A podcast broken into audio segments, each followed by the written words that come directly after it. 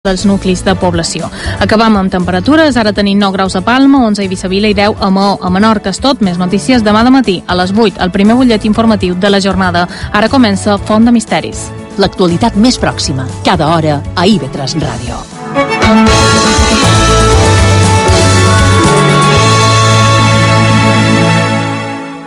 IB3 Ràdio. La ràdio autonòmica de les Illes Balears.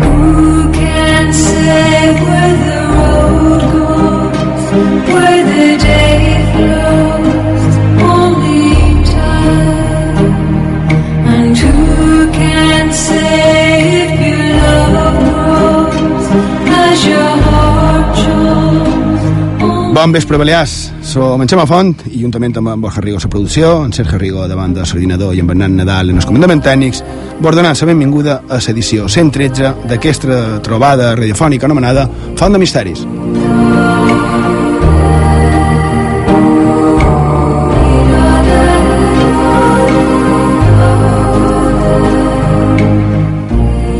Bé, una coseta abans de començar dir que estem una mica, una mica tristons perquè a partir de dimecres que ve, d'aquí quatre dies, s'emetrà el darrer programa del GDC, del Gabinet de Crisi, un programa que estat vuit anys en antena i que per motius personals de, del seu equip han decidit uh, aturar-ho, perquè-ho. El manco de moment, això esperam. I bé, mos deixen una miqueta orfes, no? Ho he dit mm, altres vegades, quan un programa de ràdio s'acaba, és normal, tot té un principi i un final, però quan un programa que podríem dir que és o podríem considerar com, com una mena de referent i, i s'acaba, ens deixa una miqueta orfes, no? Va passar amb, amb Milenio 3, a la cadena SER. Ara parlarem d'aquest tema, de Quarto Milenio, i, i també és, això, el GDC, no? el gabinet de crisi, la trituradora de l'actualitat? Deien ells, no? era, com ells s'autodenominaven i d'ara, al manco de moment l'actualitat ens l'haurem d'espassar sense que ningú li, li passi estúrmics, no? que era els que feien els de gabinet. I de companys des de Font de Misteris, en nom propi i de la resta de l'equip, molta sort, Sergi Marcos, Felip Palau, Xisco Nadal, Xavi Canyelles i, i la resta de l'equip, segur que vos anirà molt bé, faceu el que faceu, els nostres millors desitjos des d'aquesta casa vostra.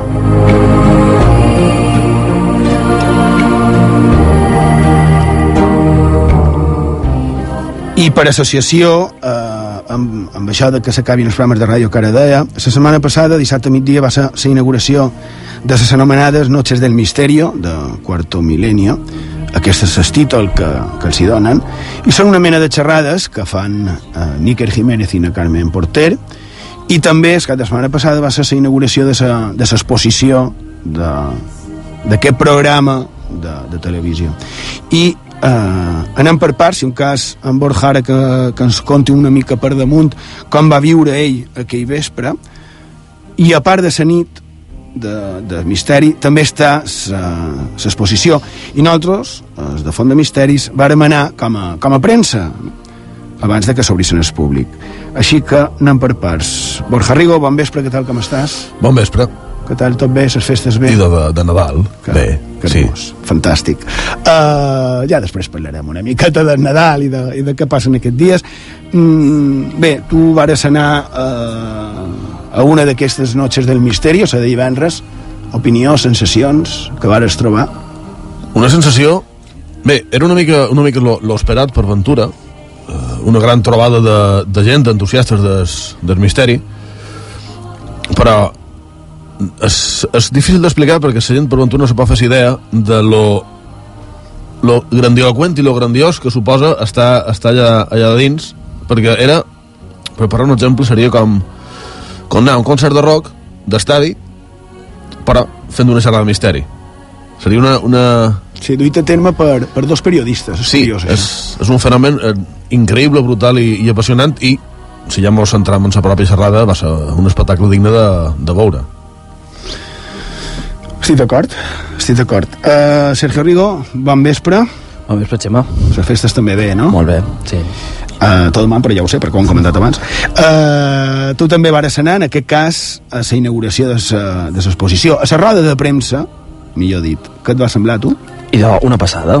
Roda de premsa? Bé, va ser una roda de premsa un poc especial, tot s'ha de dir, no? Sí. Perquè van recórrer l'exposició de sa mà de Níquer i de la Carmen, que ens va explicar un poc en què consistia. I la Bé, veritat un és... poc, perdó, un poc no.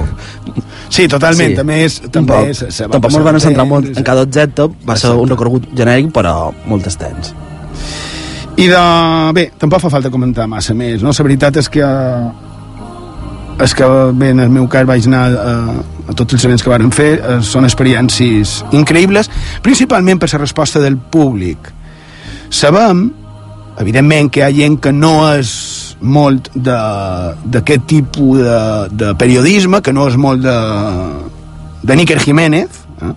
De fet, hi ha, hi ha oient nostres que mos ho han comentat, res a dir, només faltaria, però també hi ha d'altra gent que ho és, que és fidel seguidora del, del que fan, no?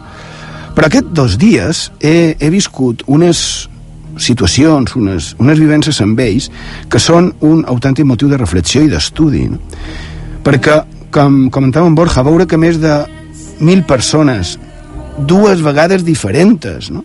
És a dir, no va ser un fenomen aïllat, les dues vegades va passar el mateix, fent una ovació quan els dos presentadors i, i, i directors des, del seu programa surten allà a contar encara no se sabia es que és com a mínim sorprenent perquè com deia eh, són periodistes i són aclamats pel públic com, com autèntics showman, no? com si fossin eh, el que ha dit en, en Borja, no? eh, músics de rock o, o actors o no ho sé. Després, un pic que estan allà a l'escenari, tothom amb el mòbil encès, fotos, vídeos, eh, enviament a les xarxes, no? per mostrar al públic, a la gent, que, que un està allà, no? i ho fan mitjans les pantalletes, mirant el vidre, aquell vidret il·luminat que tenim tots, en lloc de gaudir directament. I és curiós perquè na Carmen Porter va demanar a veurem si que quan començassin les preguntes, perquè també hi havia un ton de preguntes, va dir a veurem si podien apagar els dispositius mòbils. I, impressionant, ni un en marxa. Tothom el va amagar, és a dir, de centenars de dispositius mòbils en marxa, a cap ni un. Increïble. I també la gent molt respectuosa, tot molt, la veritat, molt curiós. Uh, L'ho dit, va ser una experiència digna de ser analitzada. Estic segur que qualque dia eh, serà un motiu de, de tesi doctoral.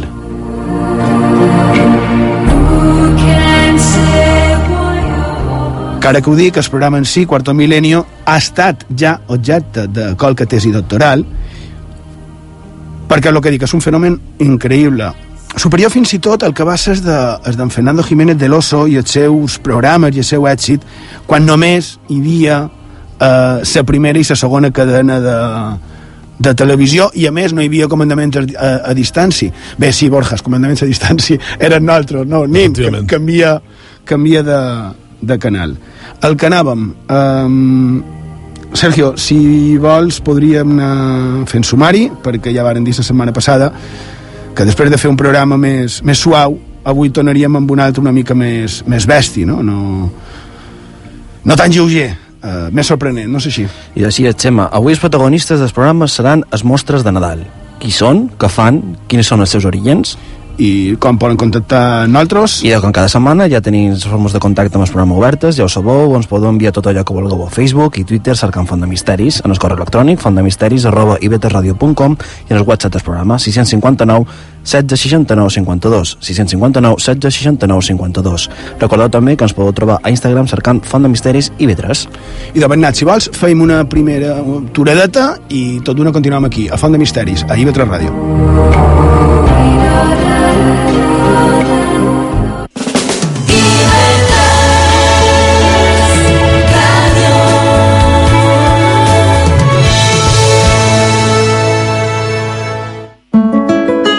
Hi ha un desert on l'exclusió social és un sol abraçador, on la discapacitat física o psíquica són dunes traïdores, on una tormenta d'arena cega la vista de migrants a la recerca d'una vida millor. Però en aquest desert nosaltres sabem trobar-hi flors. Flors en el desert. Flors en el desert, amb David Oliver, a IB3 Ràdio, diumenge a les 9 del matí.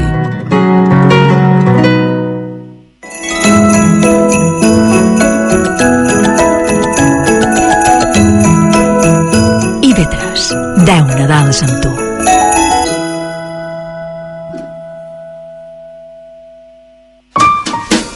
S'ha acabat ja. En temes sexuals han de ser clars i no mos han d'amagar, eh? Ai, Joaquim, saps que n'hi ha desconeixements i no te pots fer una idea dels mites falsos que encara mos envolten. I de no pot ser, les coses s'han d'explicar i s'han de tractar. Han de dir adeu en aquest oscurantisme. No passis pena, tens solució. Perquè la sexualitat és una part important de la vida, la tractam de forma clara a No apaguis el llum. Els dissabtes a mitjanit a IB3 Ràdio, amb Maria Ribo i Joan Guillem Jaume. IB3 Ràdio, la ràdio autonòmica de les Illes Balears.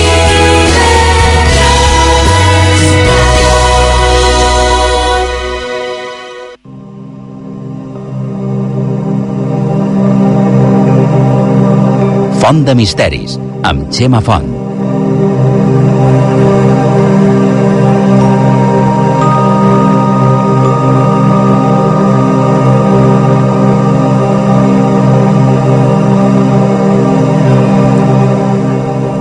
Font de Misteris, a la sintonia IB3 Ràdio, a Menar que mos podeu escoltar en el 88.6 de la freqüència modulada.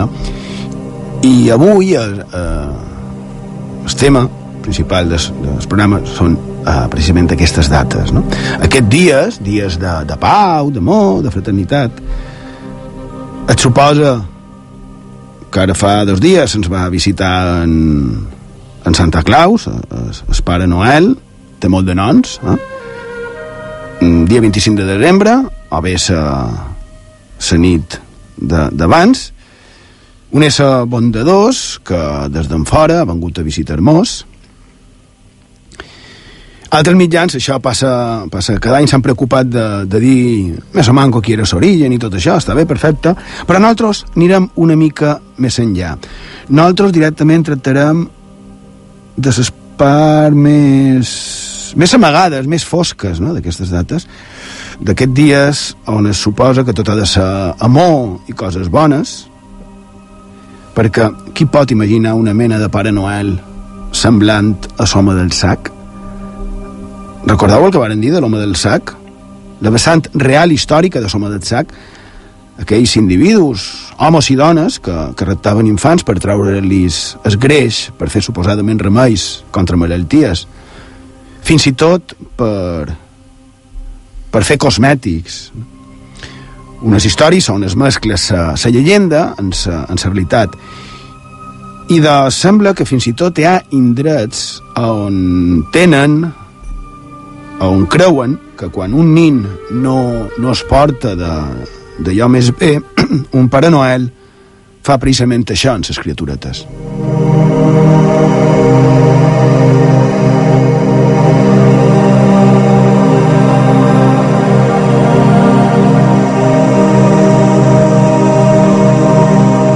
També veurem, per exemple, en el, en el Magreb, en el Marroc, per ser més exactes, com ho tenen en això. Tenen Pare Noel o, o, o, els Reis d'Orient o semblants que es fa amb els nins dolents, els que no es porten bé.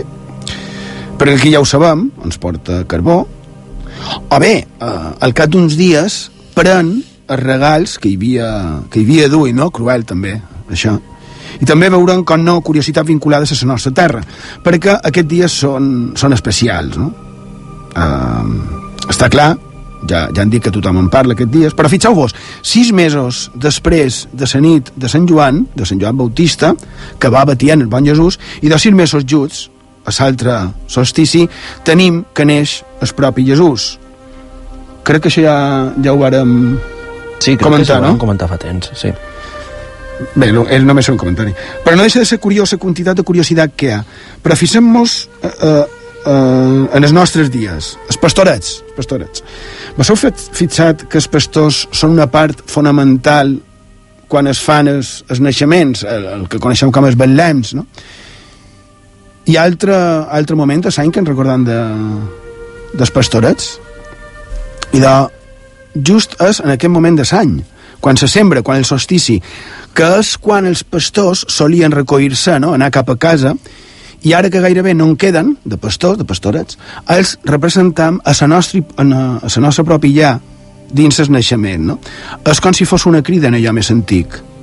Quan després de, de la sembra, quan després de les festes, s'ajuntaven tots, fins i tot aquells que durant la resta de l'any anaven pel món a, a pasturar, mai millor dit, no?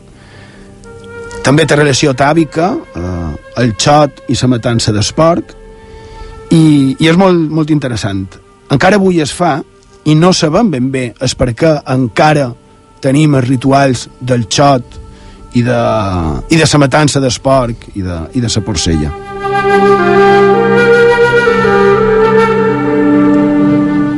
Probablement es feien rituals per tal de que se sembra i que la propera temporada tant agrícoles com ramaderes fossin propícies. No? Que les forces de la natura, que els déus, anomeneu-lo com vulgueu, anessin de, de la mà d'aquells que posaven les seva, seves creences i la seva fe. No? I d'aquí la festa de la matança del porc. El porc com a símbol de l'oferiment de, de la terra, del gra, del blat sagrat, ja van dir qualque cosa, la setmana passada crec que va ser del blat com a element màgic i ritual, i el porc menja gra. És la unió de les dues, no? ramaderia i agricultura. De fet, al principi de la cristianització de les illes, 1230, ja hi ha documents a la nostra terra que parlen de la matança del porc com a oferiment per commemorar el naixement, el naixement de Jesús. És a dir, fa un caramuller de segles, per Nadal ja tenien la porcelleta.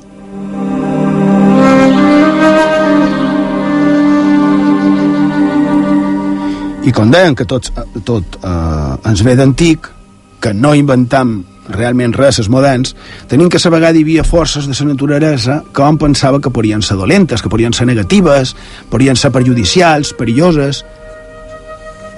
I el manco, quan hi havia més relació directa en lo verdaderament natural, en aquella bonsà, les tenien com a més reals.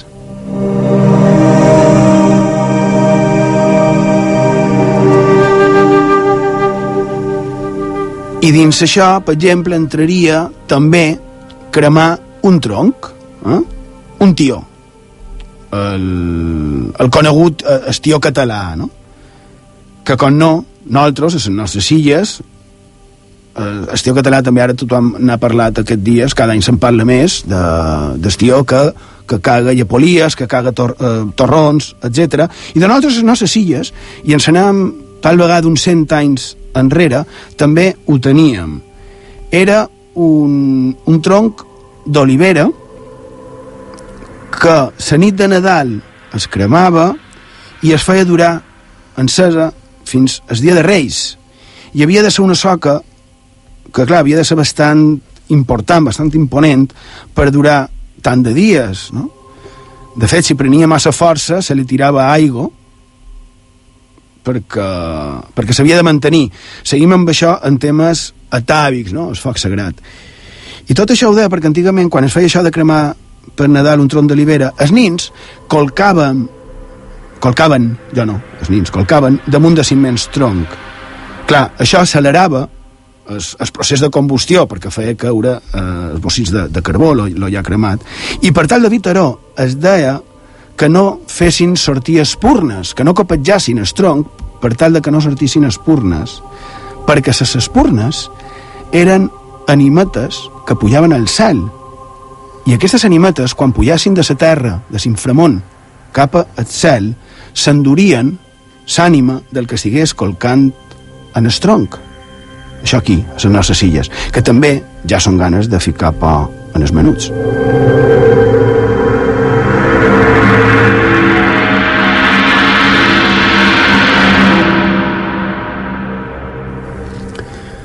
Ens ve d'antic també això de ficar por eh, en escrituram, perquè tornem amb el tema de, de per què ficar por, no? I de... hi ha motius...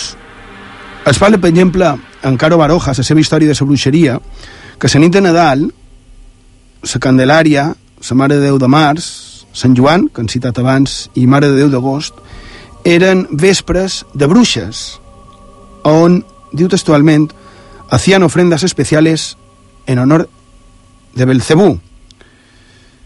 Més dramàtic quan, com ens conta el mateix autor, aquelles nits de Nadal, segurament per mor de fer aquestes ofrenes en el maligne, ho feien mitjans infants, no? Perquè tan màgica era eh, aquella nit i també per extensió tots aquests dies que fins i tot els nazis, en Himmler, Hitler, el pare de, de la CSS, de la Gestapo, aquell temible i esgarrifós Himmler, va crear, va voler crear una mena de, de religió, de secta, on la nit de Nadal, reconvertida, es convertia també en, en una nit màgica. No? Damunt d'això tampoc volem dir massa, massa més cosa, però que deu tenir un vespre com aquest, un dia com aquests, per arribar fins i tot a que els nazis lo incloguessin dins els seus desgraciats comesos, no?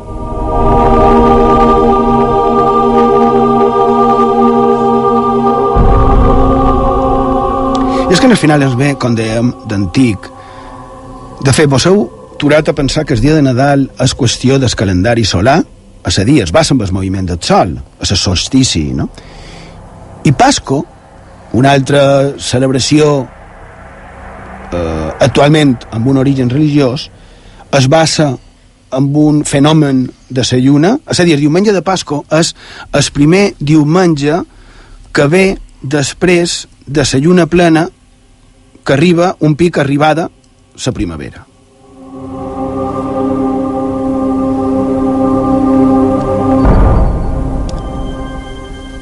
I de comença està clar que l'origen de Nadal i d'altres festivitats religioses, sense valorar l'arribada d'aquell conegut com Jesús en Natzarè i, i del missatge crístic, i de, queda com a, com a mínim qüestionada, no? Moltes creences tenen com a punt d'inici el solstici d'hivern. No diem, per exemple, dels vikings, les saturnàlies romanes, Mitra, i tots, tots ells tenen en comú la llum, no? De fet, eh, Crist, Jesús, deia que ell era la llum. Són coincidències?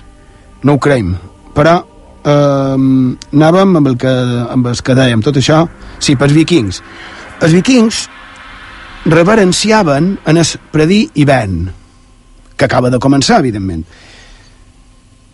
I el reverenciaven perquè fos el més suau possible i que quan arribés el moment de partir, el predí hivern, ho fes sense causar mals no? i donant pas a una nova vida que vendria representada per la primavera.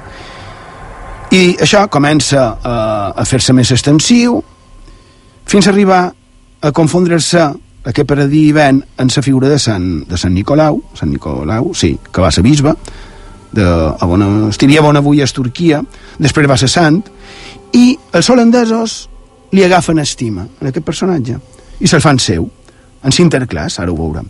I quan emigren cap a Amèrica, a, a Nova Amsterdam, que així li varen dir a, a la seva ciutat, quan es van instal·lar allà, Nova Amsterdam ara gairebé no sabem on és, però és una de les ciutats, ciutats més conegudes del món. Actualment Nova Amsterdam s'ha canviat el nom per Nova York i d'allà es transforma una miqueta el nom. Es converteix de Sinterklaas en Santa Claus. No? Santa Claus, i de, aquí ve. I allà, pels anys 30 del segle XX, un home, en Hadon Sundblom, un pintor suec, per encàrrec d'una empresa de begudes, de la Coca-Cola, vamos, transforma César aquell que duia regals, que inicialment era una mena de, de berrugat, d'un gnomo, no? i de, el transforma en el que és actualment la seva figura, no? el que també coneixem com a Pare Noel, és a dir, pare i ven. Curiós. I què ha quedat d'aquell primigeni Santa Claus holandès? Queda res. I de vàrem parlar amb una amiga nostra per saber com està el tema actualment.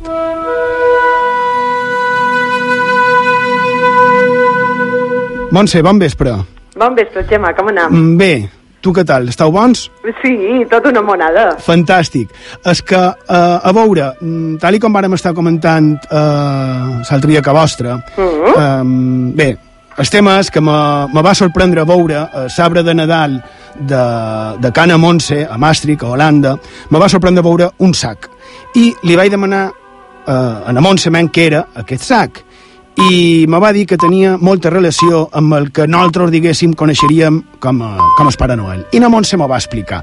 I, evidentment, l'únic que podíem fer era eh, contar-ho aquí, a Font de Misteris, a IB3 Ràdio. Montse, què era sac? Què fan els holandesos per, per Nadal?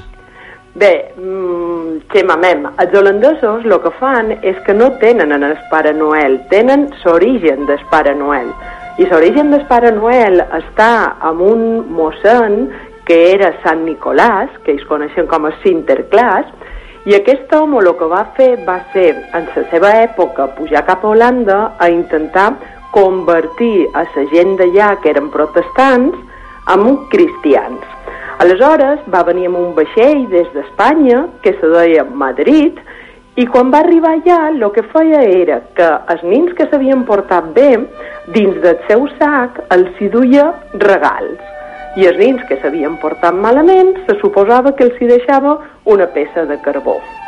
En Sinterklaas, igual que el Pare Noel, té ajudants, que són en Suatapit.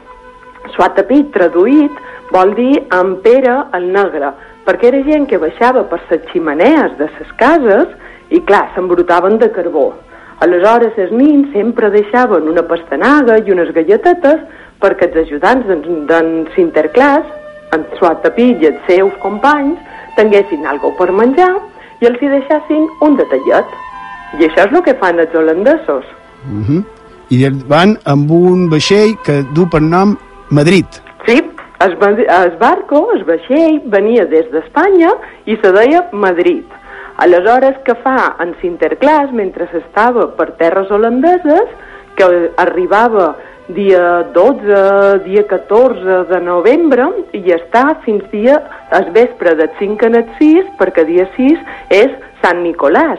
Sí. I ell estava per terres holandeses i durant tot aquest temps els holandesos li anaven deixant aquest menjar, aquestes galletetes, que són típiques d'allà, que se diuen eh, paper nuts, que són unes galletes que se fan típiques allà i li deixaven això, la pastanaga per als cavalls, i ell i els seus ajudants deixaven regalets per als nins i du un sac, el sac d'en d'en Sinterklaas i en Suatapit.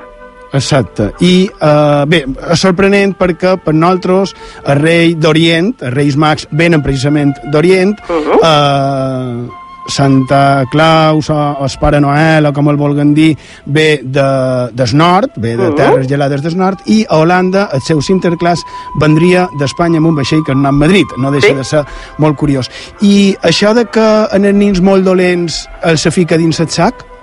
Bé, això és el que s'emplea durant tots aquests dies dient-li, escoltau, si vos portau malament, en Suatapit, quan ribi, on Sinterklaas, se vos endurà. I com se vos endurà? Vos ficarà dins el sac i del sac vos durà en el seu vaixell.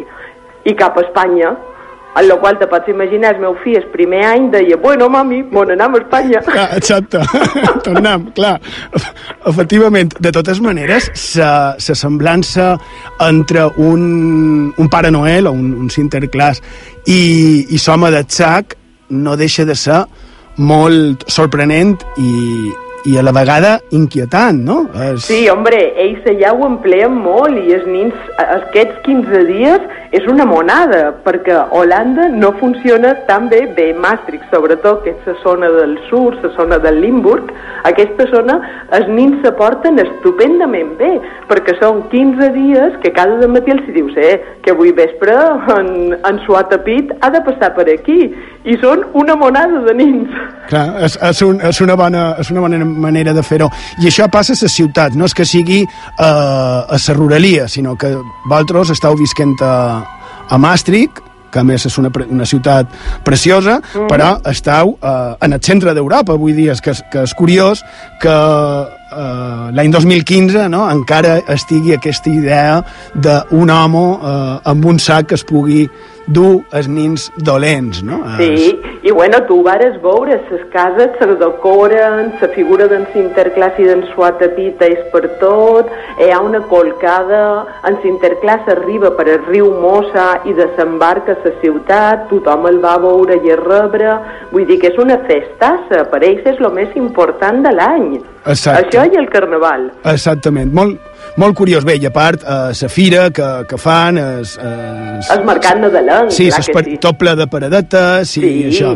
La veritat és que sí. I, i també eh, és això, és, és molt sorprenent veure com tan a prop d'aquí tenim aquestes històries eh, tan curioses, no? Sí, la veritat és que sí, que nosaltres quan vàrem arribar va ser una sorpresa i, bueno, interessant i, i sorprenent, perquè, a més, això, no?, un barco venir des d'Espanya, el barco, el vaixell que se digui Madrid, és curiós, sobretot per als espanyols és molt curiós. I tant que sí, me va, me va sorprendre i per això ho volíem contar aquí a, a Font de Misteris. Montse, moltíssimes gràcies. Un plaer. I fins aviat. Eh? Fins esper, aviat. Espero que ens tornem a veure molt, molt, molt aviat. Eh? Ben prest. Gràcies. Vale? Una abraçada ben forta. Una abraçada. Molt d'anys. Adéu, adéu. adéu. adéu.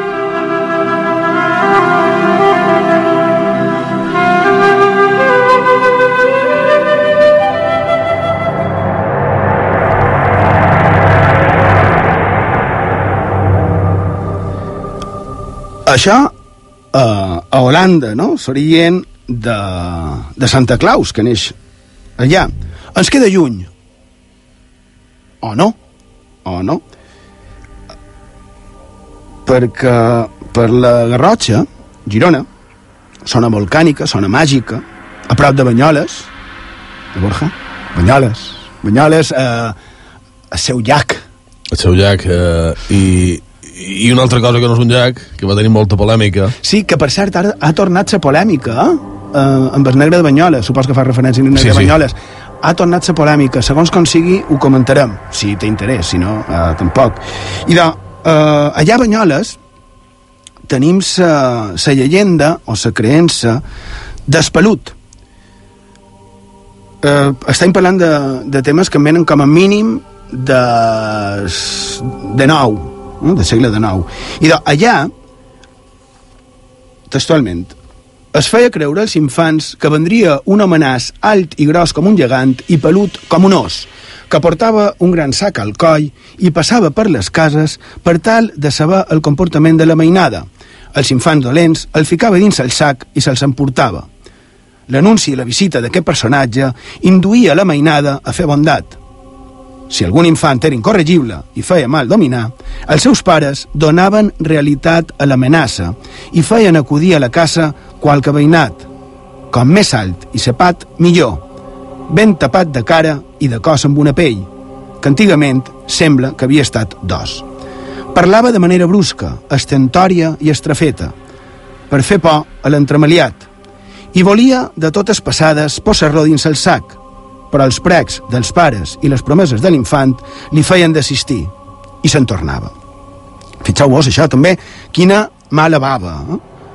Tot això ho estic llegint d'en Joan Amades, clar, de, descostumari, però fixeu-vos, diu, se'n tornava amb el sac, una vegada que, que fugia perquè no feia falta que es dugués el nin, perquè evidentment quin nin no canviava el seu comportament, no? I de deia, se'n tornava amb el sac tot ple de paia per figurar, contenir dins el sac tota una colla d'altres nois dolents que havia arreplegat per poder fer un bon Nadal menjant-se'ls a cremadent.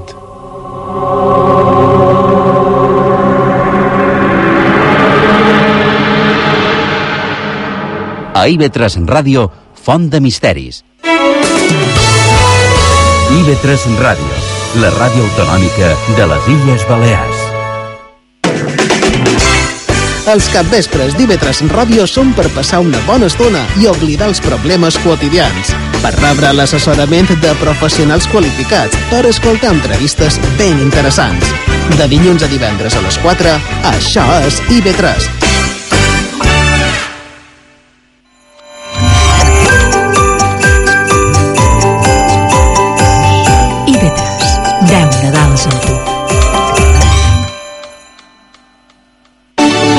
TV3 Ràdio, els matins són per a tu. Perquè t'informis, per escoltar els protagonistes de l'actualitat, perquè reflexionis, perquè t'agrada sentir el dia a dia. Escolta el Faristol d'IV3 Ràdio amb a seguir, de dilluns a divendres a les 8 del matí.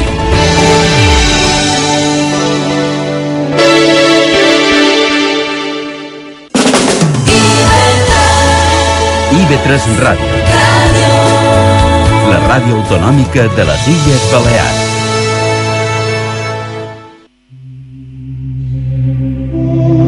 A IB3 Ràdio, Font de Misteris, amb Xema Font.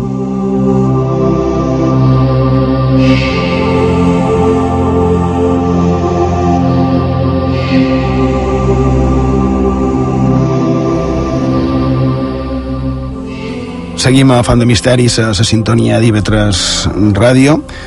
A Eivissa i Formentera mos podeu escoltar en 93.7 de la freqüència modulada i avui estem parlant de, mm, com dir-ho, aquella part dels éssers més estranys, més malèfics, no?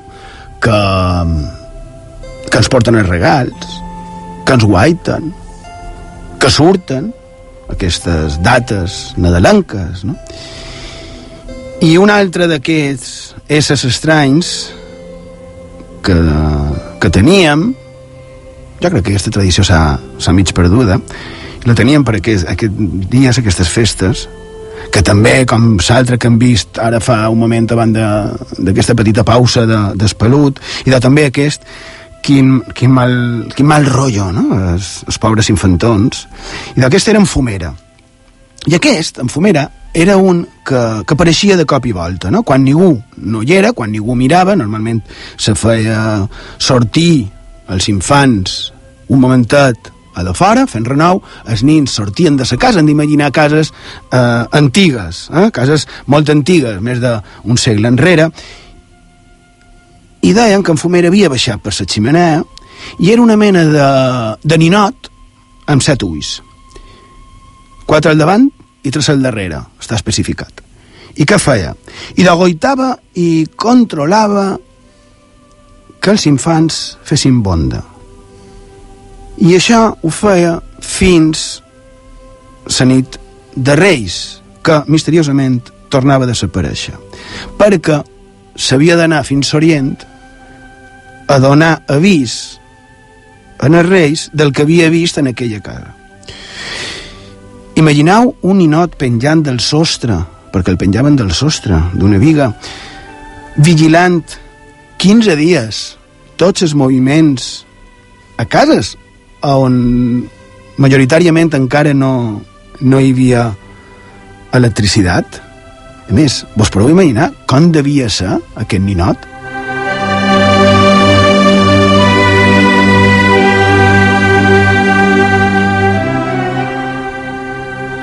Ninot que apareixia i desapareixia misteriosament. I és que, clar, aquestes són ni màgiques, passen coses extraordinaris.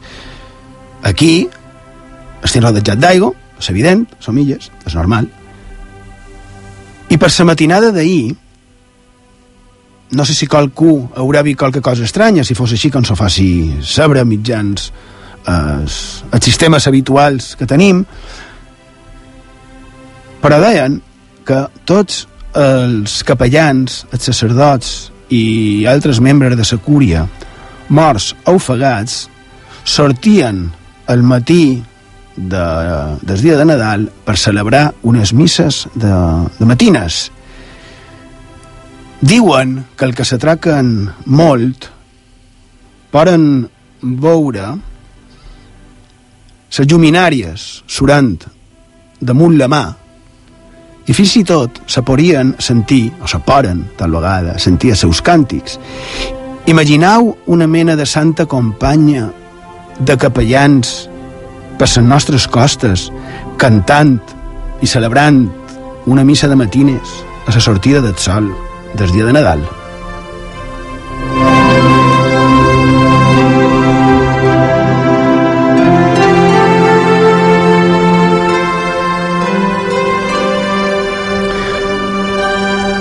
Ho, vàrem, això ho vàrem comentar fa dues setmanes, crec, quan parlàrem de les prediccions de, dels temps, però clar, aquest dia de diferència entre un calendari i l'altre, entre el solar i el, i el llunar, ho hem parlat abans, la importància d'aquests dos fets, i ens diuen, per exemple, que segons el mite de Setè Retorn, de, de Mircea Eliade, i aquests 12 dies que van des de Nadal fins a Epifania, és a dir, el dia de Reis, és quan els vespres, sempre els vespres, curiós, i d'aquests vespres de Nadal, el dia de Rei, surten els morts per estar a prop dels seus familiars, perquè la resta de l'any s'amaguen baix terra i altres indrets eh, confonen en aquests éssers, aquests dies que surten, amb homes jops, licàntrops. Per això érem és més cap, a, cap al nord d'Europa.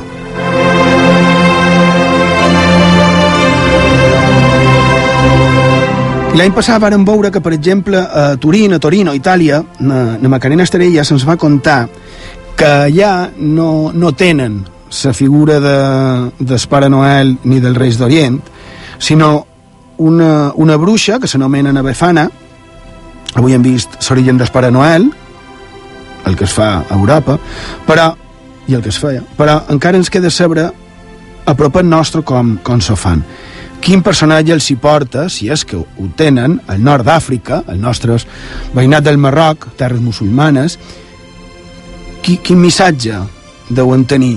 Com deu ser aquest ésser? Ha vengut a, a visitar-nos a l'estudi 2 de IB3 Ràdio, na Sequia d'Anú. Ella és d'origen marroquí, o magrebí, li poden demanar també quina diferència hi ha, i ha vengut per parlar-nos de com viuen eh, en el Marroc el que per nosaltres, diguéssim, seria eh, aquests éssers, eh, Pare Noel, Reis d'Orient, etc, com els se viuen ells. Sakia, bon vespre. Salam aleikum. Mm, salam aleikum. Buenos días. Com estàs? Mo molt bé. Sí? Tot bé? Mm, tot bé. Poc nerviosa. No, no, no. No? No, no. Estic Perfecte. bé. Molt bé. A veure, te, te volien demanar com... Bé, primer, hi ha qualque diferència entre ser marroquí i ser magrebí? Eh, marroquí es, eh, o sea, es marroquí de Marruecos y magrebí es em, de los países magrebís. O sea, magrebí puede ser de Túnez, de Algeria o Marruecos. Sí, ja hem Mm. après, hem puntualitzat... Pero si dice marroquí, es, eres marroquí o argelino es de Argelia o tunisina es de Túnez. Pero si magre- magrebí puede ser de uno de estos tres países. En qualsevol cas, eh, tu ets d'origen marroquí. Marroquí, exactamente. Perfecte. Volíem eh, saber com és, eh, si teniu, millor dit, un personatge que tingui semblança amb el que aquí, eh, en, en aquest cas a Europa, seria eh, el Pare Noel o bé eh, el Reis de- d'Orient. Sí, tenemos uno que eh, se llama, en vez de Papá Noel, se llama Baba Ishor, Papá Ishor, que es lo mismo que hacer la misma función, traer regalos a los niños, alegría y I d'on surt el, el, el nom, per començar, de Baba... Com, com era, Baba? Papá eh, Aishor. Aishor. Aishor que viene de, esto se celebra el décimo día del mes de, de Muharram. O sea, el nombre viene de Ashra, 10 en, en árabe. Val. O sea, I, los primeros días de- de- del mes de Muharram. I el mes de Muharram, m'imagino que es té qualque semblança amb el Ramadan. És a dir, està És- basat en el calendari de la lluna. exactamente. Ah. Val. Val. I, I què és el que se fa aquest dia? Eh, pues, se le- eh, pues mm, eh, papá Ishor mm, o sea, eh, comparte con los niños la alegría porque a todo el mundo le toca, a los niños necesitados, siempre hablamos de niños que necesitan alegría, que viven mal todo el año, pues le trae regalos, eh, toda alegría, o sea, todos estos días, toda alegría para los niños. O sea, tanto como se portan mal, que bien, o sea, da igual. Da igual, es que mm, tienen derecho a estar bien, eh, felices estos días. És a dir, això que se fa aquí, sense anar més en fora, de, mm, podríem dir, coaccionar una mica en els nins, diguent-los si no ets bo te duran carbó, o bé te, te duran, o No. qualsevol cosa d'aquestes, allà en el Marroc això no passa. No, no, no, no, para nada, para nada. Porque ya mm, todo el año, pobrecitos, que no tienen nada, encima le castigamos, pues la verdad que es un poco... eh, Esa- que... Exacto, fastidia un poco. Sí. Entonces, pues ya tienen todo el año para que sus padres le castiguen o que les quiten cosas, pero estos días es para ellos.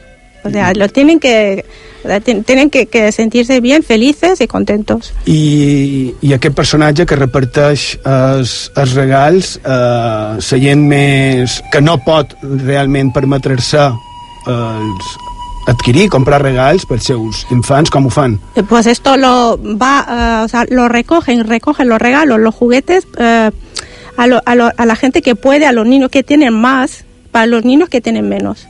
O sea, va recogiendo los juguetes, o sea, va de casa a casa, bueno, casa a los barrios, a los barrios que, que saben que tienen, o sea, no va, por ejemplo, aquí a Songoleu, no va a Songoleu, no, va a Zumbida, por ejemplo. Entonces, pues recoge regalos y va por la calle, lo- la, la- gente, los niños pobres, pues le va siguiendo por la calle, es que es dis- distinto, no es como aquí. Entonces, pues todo el mundo pues le toca algo. A lo mejor es una tontería, para este niño necesitado es mucho, muchísimo. Entonces, pues le da como, le ponen pilas a los niños.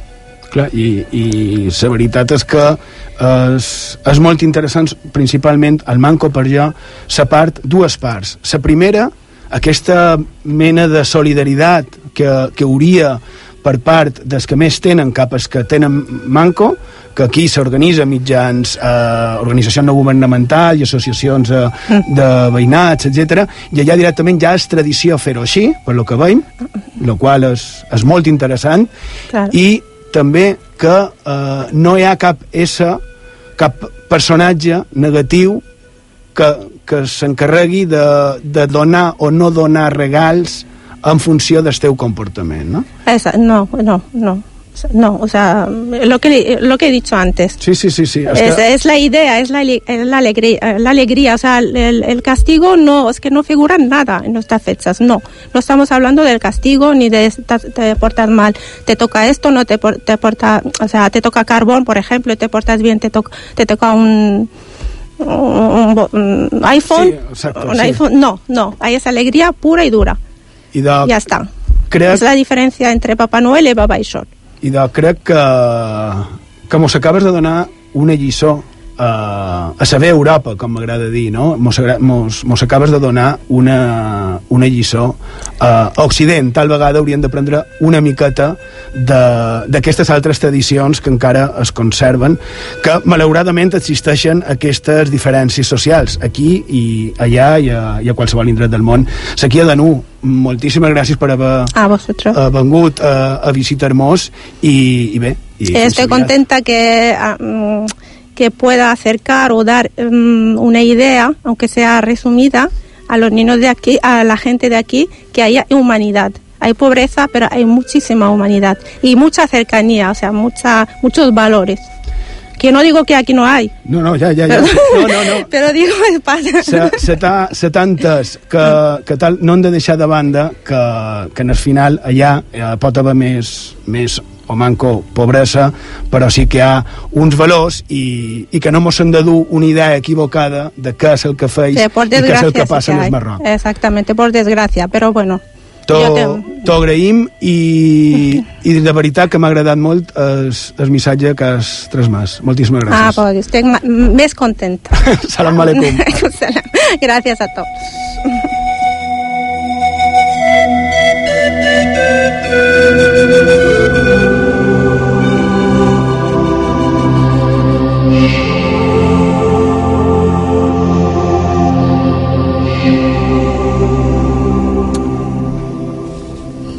todos. ja que estem passejant arreu del món, mm, un món globalitzat, no? Ho hem vist amb, eh, amb el Pare Noel, no? Que neix eh, per d'haver Turquia, els holandesos se'l fan seu, ho duen cap a el nord d'Amèrica i després el modifiquen i nosaltres l'assolim com a nostre. Un món globalitzat. Um, I ja que estem, com deia, pel món, mos anem ara uh, a seguir aquesta ruta de d'aquests éssers animàtics estranyos, malèfics tal vegada, no? Aquests, com l'hem anomenat, eh, Sergio, el programa d'avui l'hem anomenat Monstres, Monstres de Nadal. Monstres de Nadal, que també, quin títol. Uh, Borja, que mos... Sí, doncs, precisament ara, ara entrem una miqueta dins dins d'aquesta galeria de, de monstres una mica estranys i podem començar, si voleu, per, per Islàndia. Allà existeix una tradició que és no gaire antiga, com deies tu des, de segle IX al Manco, i doncs, allà existeix eh, aquesta tradició que és ben curiosa i que té com a protagonista a un animal que és conegut com el moix de Llule. Segons se compta, és un moix d'enormes proporcions que aguaita en els camps gelats d'Islàndia durant les festes de Nadal i ataca sense compassió a tots aquells que per motiu o altre no han regalat ni rebut una peça de roba nova a, precisament la nit de Nadal. Curiós lo de, lo de la peça de roba nova i també molt curiós que eh, clar, és que aquí no se pot contar tot, però també vaig trobar històries, que no ho he comentat abans, també he trobat històries de, de moixos, tant per la nit de Nadal com, com per un dia com avui de, de Sant Esteve, i per, per dia de cap d'any, també és curiós, perdona. Bé, ara si voleu, eh, una altra cosa interessant que són eh, quines serien per aventura ses preses favorites d'aquest mos de Llule i serien precisament els nins que no fan els deures. Aquest mos els agafa quan s'acosta a les cases durant les fredes nits per rebre una mica de calor de les, de les ximenees. Bé, curiosament també, eh, l'amenaça d'aquest mos era emprada pels agricultors. Podríem dir que era una espècie d'incentiu. Si se plegava tota la coïta de llana abans de Nadal, eh, es podria fer amb ella roba nova i, per tant, estarien salvats de la bèstia, ja que aquesta era la eh, manera o la manera de no sofrir un atac dels moix. És a dir, la protecció ve donada per dur roba nova. Res més. En el cas dels nins bastaria, com de que fessin els deures i ja estarien protegits. I en el marc d'això sí que m'agradaria puntualitzar per ventura una, una altra curiositat, que és com se veia la gent amb pocs recursos en el moment de màxim esplendor d'aquesta tradició, que com vos deia era el segle XIX. Aquelles persones sense recursos eren vistes simplement com a poc feineres, i clar, presa fàcil desmós de Llule.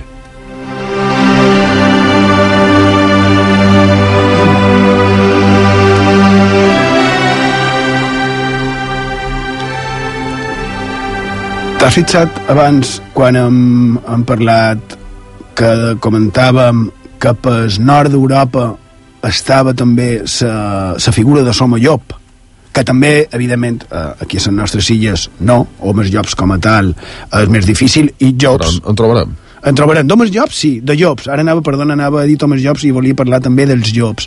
Uh, sí que uh, els Pirineus, per exemple, està molt estesa. Una cosa molt, també, molt semblant en els moix, però en llops, no? I també en el, en el nord d'Europa, com deien tu, tot això que has contat és d'Islàndia, també per d'haver eh, Noruega, la mateixa Islàndia, també els llops, la nit de Nadal. No són massa casualitats, no són massa coincidències. O tal vegada no són casualitats ni són coincidències.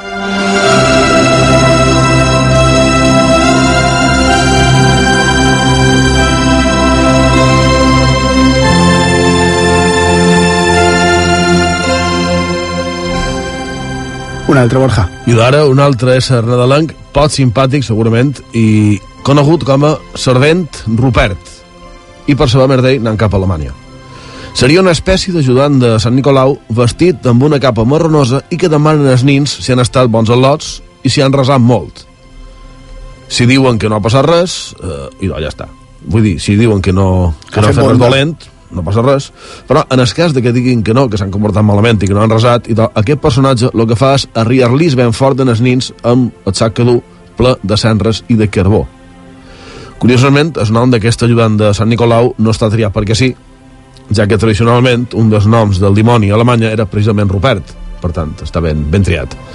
A part d'això, altres característiques curioses eh, és que a vegades d'un gato per lliurar-se a caminar i que se fa acompanyar de fades o d'homos encara pintades de negre i vestits de dona vea. Que no és això també inquietant. Sí, també hem de, hem de recordar, crec que no hem parlat de, res de, de bruixes, no? Uh, aquestes nits també són, són nit de bruixes, de, de bruixes i de bruixeries. Bé, sí, he comentat qualque cosa de, D'en- d'en Caro Baroja, sí. Baroja, sí. Més normal, perquè se m'ho sabia, podria haver passat. Um, un altre? Un altre s'ha anomenat Krampus. Hi ha una, una llegenda que mos pot recordar per ventura una mica en això que deia fa un moment d'en d'en Rupert, si bé en aquest cas no és una tradició local pròpiament alemanya, sinó que s'estén per diversos països de, del vell continent. Aquest dimoni, el Krampus, apareix sobre baixa des 5 o 6 de desembre, rodant pels carrers durant dues setmanes, fent sonar campanes i cadenes robeades que empra per espantar en la seva presència. 5 o 6 de desembre, eh, 6 de desembre, pa, estic parlant de memòria, és Sant Nicolàs de Bari, Sant Nicolau. Efectivament. Mm, eh, tot té un per què, segueix parlant. La seva aparença eh, està representada per una criatura semblant a, a un íncubo d'aquells medievals, aquells dimonis tan, tan famosos, amb un rostre diabòlic acompanyat d'una llarga llengua vermella, amb banyes en el front i mirada malaltissa. Té les dents esmolades, com no pot dir d'altra manera, eh, ulls vermells, eh, eh, les banyes també són interessants, com deia, i el seu cos està cobert per un fosc i atapeït pelatge, i les seves potes, a més, són similars a les d'un fauna. Ara me rebé un cas de les urdes que no té res que veure, però, però m'ha paregut simpàtic. Bé, a moltes imatges és il·lustrat amb una, amb una senaia a l'esquena, on fica, això ho hem dit també abans, en els nins dolents per després dur-los, en aquest cas, a l'infern. Bé, l'altre se'ls menjava, se'ls Sí, havia què és pitjor. menjar-se, sí. Bé, I per si fos poc, eh, passatge, com també ho he dit, eh, pels carrers sense, sense campana, la qual deu ser una, una imatge bastant també inquietant, i deu fer, deu fer bastanta por. I més, si, si imaginam carrers eh, antics, de terra, de pols, sense llum, tens eh, passats on no hi havia electricitat, imagineu un, un individu amb aquesta aparença tocant una campana i anant pel carrer, perquè segur que hi devia haver qualcú que, que representava aquest paper, com deia abans, que no he acabat de dir, que, eh, i aquí tornes a tenir un home, un home molt pelut, no? eh, que el pelut precisament és això, és a dir, se repeteix també la figura de l'home pelut, se feia també eh, figures de llop i d'os, de, dels onsos, no? a, a, en els Pirineus, eh, principalment. Dir, perdona. Bé, és una creença comuna, bastant popular en els llogarets dels Alps, especialment per les terres de- d'Àustria de, i d'Hongria, i en quant de la seva antiguitat eh, se pot rastrejar, imagineu, fins a 10.000 anys enrere. De les creences més ancestrals i més estranyes i més atàviques, emprant aquesta paraula que dèiem fa un moment, de- d'Europa, podríem dir. Evidentment, en aquells moments no era d'aquesta d'aquesta manera, suposant que no tocava campanes ni anava pels pobles, perquè no n'hi havia, però sí que és la creença d'aquest tipus de, de monstre tan estrany eh, que sortia, pues, lo que, lo que fa un moment, en el començament de la sortida, l'arribada del Paribant, i dels, les, de les més antigues. 10.000 anys enrere m'apareix una eh, brutalitat, també t'ho dic. Això, um, prenen nota per, per donar-li una ullada, donar-li un repàs. I comprovar Perquè- fins a quin punt. Sí, sí, sí, sí, sí a on... certament és una data molt estranya. Sí, que no sigui un, un error nostre de transcripció, però ho confirmarem, i si, i si hem fet una errada la direm. 10.000 anys enrere... Són molt d'anys. Molt d'anys, i molta...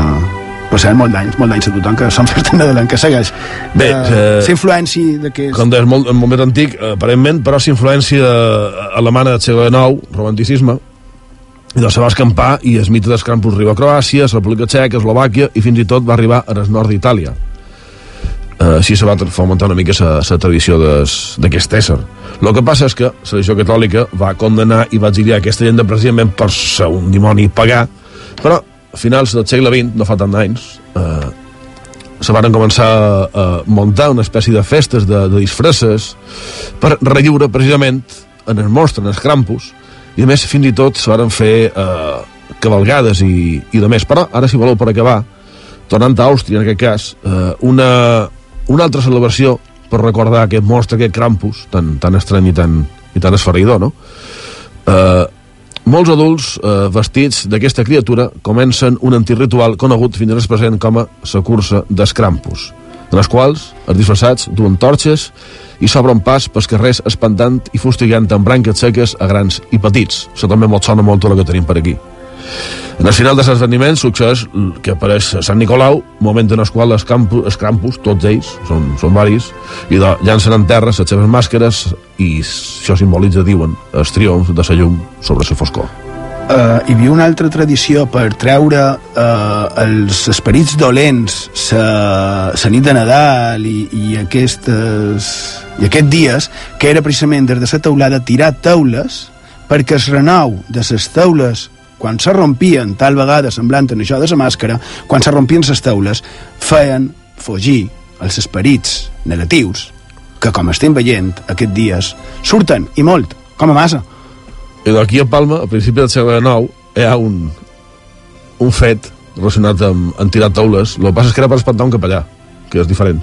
Ai, sí, això ho hem de contar, però ho contarem un altre dia, que em van anar fa senyes, que han de fer una petita pausa i tot d'una continuem aquí, a Font de Misteris, a IB3 Ràdio.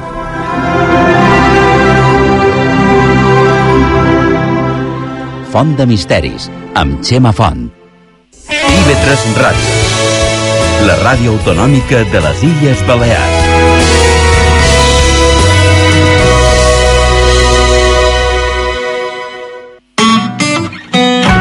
Se sent, es comenta, es compara, es punxa, es digitalitza, es balla, es veu, se segueix, s'odia, se silencia, se socialitza, es comparteix, s'estima, es recorda, s'oblida, es descobreix, s'investiga, s'estudia, s'escriu, s'esborra, s'enregistra, es toca, s'interpreta... I tu, escoltes música? A IB3 Ràdio cada cap de setmana volem que escoltis bones cançons de tots els estils, èpoques i condicions, perquè la resta ja és cosa teva. IB3 Música, dissabte i diumenge cap vespre amb Tita Fuster.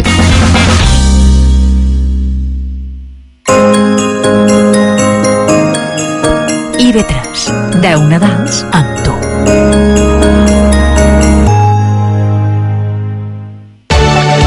IB3 Ràdio, més a prop del teu municipi. De dilluns a divendres, a migdia, connecta amb tot allò que passa al teu voltant amb la informació i l'actualitat més pròxima. El Faristol Menorca. El Peristol Mallorca. El Faristol a Eivissa i Formentera. IB3 Ràdio, més a prop de tu.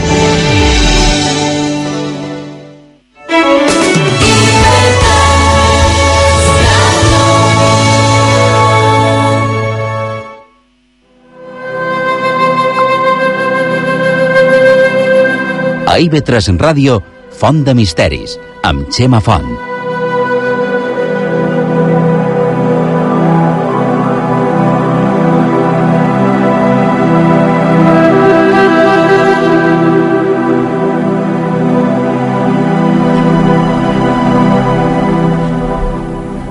Seguim a Font de Misteris, a la sintonia d'IV3 Ràdio. A Mallorca mos podeu escoltar en 106.8 de la freqüència modulada.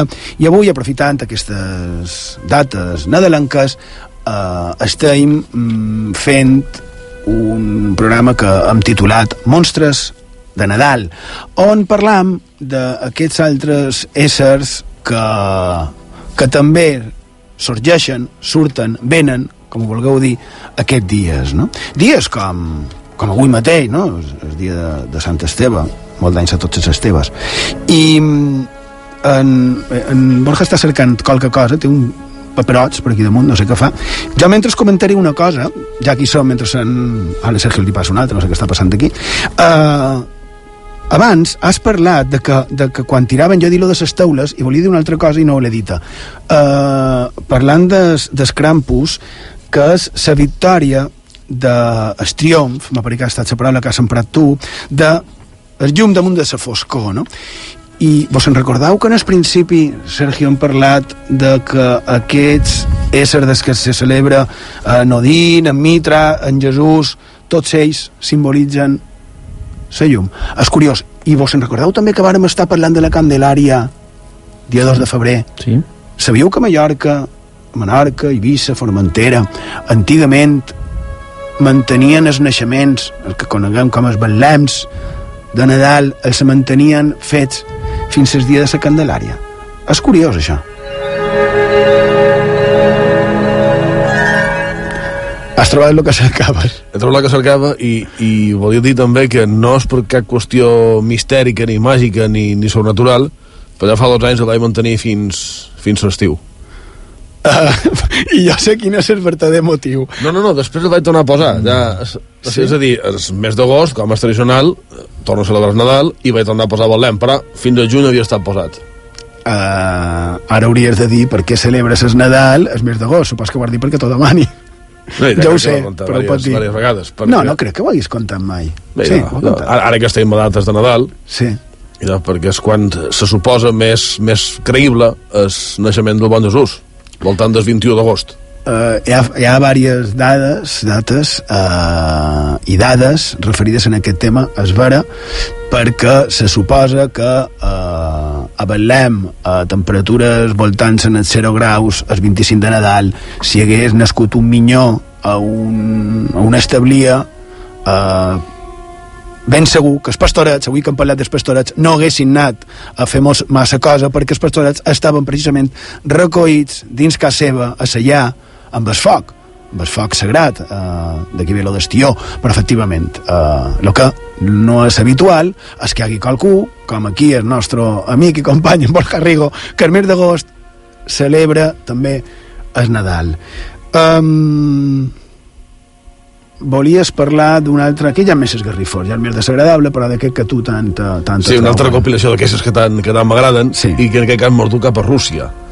Passat mes de gener de 2005 2015, perdó, dia 14, eh, la web Russia Beyond the Headlines va publicar una informació digna de ser contada i comentada i que duia per títol Los crímenes más bizarros de la Navidad. Que ja el títol ja convida un poquet a, a les, no ho sé si és a sorpresa, si a, fer broma, no ho sé. Bé, pareix un titular de bromes, efectivament, però no ho és. Resulta que durant el període que va entre dia 1 i dia 10 de gener, moment en que els russos solen tenir vacances, és costum que tinguin lloc un bon grapat de crims, dels quals, si voleu, recordarem uns quants d'aquest 2015, que bé, ja va per esmenar de que, de que van, no?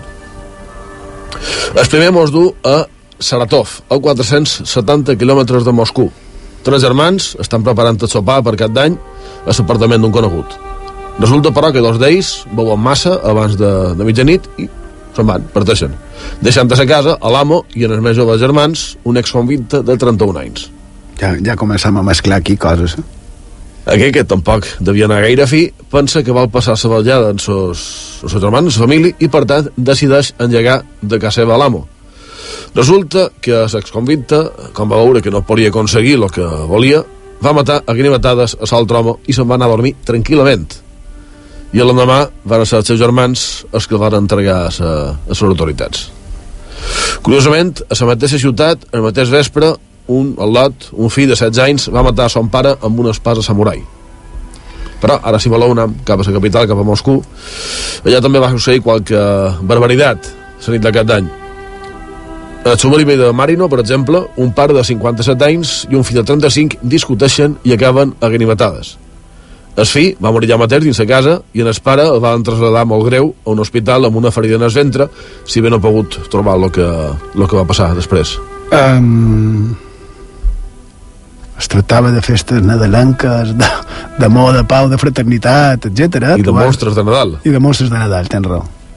I ara, si voleu, anem cap a Voronez, un lloc clàssic dels amants dels misteris ufològics. També la nit de, de cap d'any, un home de 43 anys i una dona de 41 que s'havien conegut a través d'internet un parell de setmanes abans, sopaven tranquil·lament. Fins aquí, tot correcte i tot pau amor, com deies fa un moment. Això, fins que l'home torna enrere, vull dir, toma en terra, no torna enrere, toma en terra eh, part d'aquell sopar. En aquell moment, la dona de... Sí que està ben bé, agafa el guinevet i li clava repetidament en el pit. Resultat, que duen a l'home a l'hospital i mor dies després.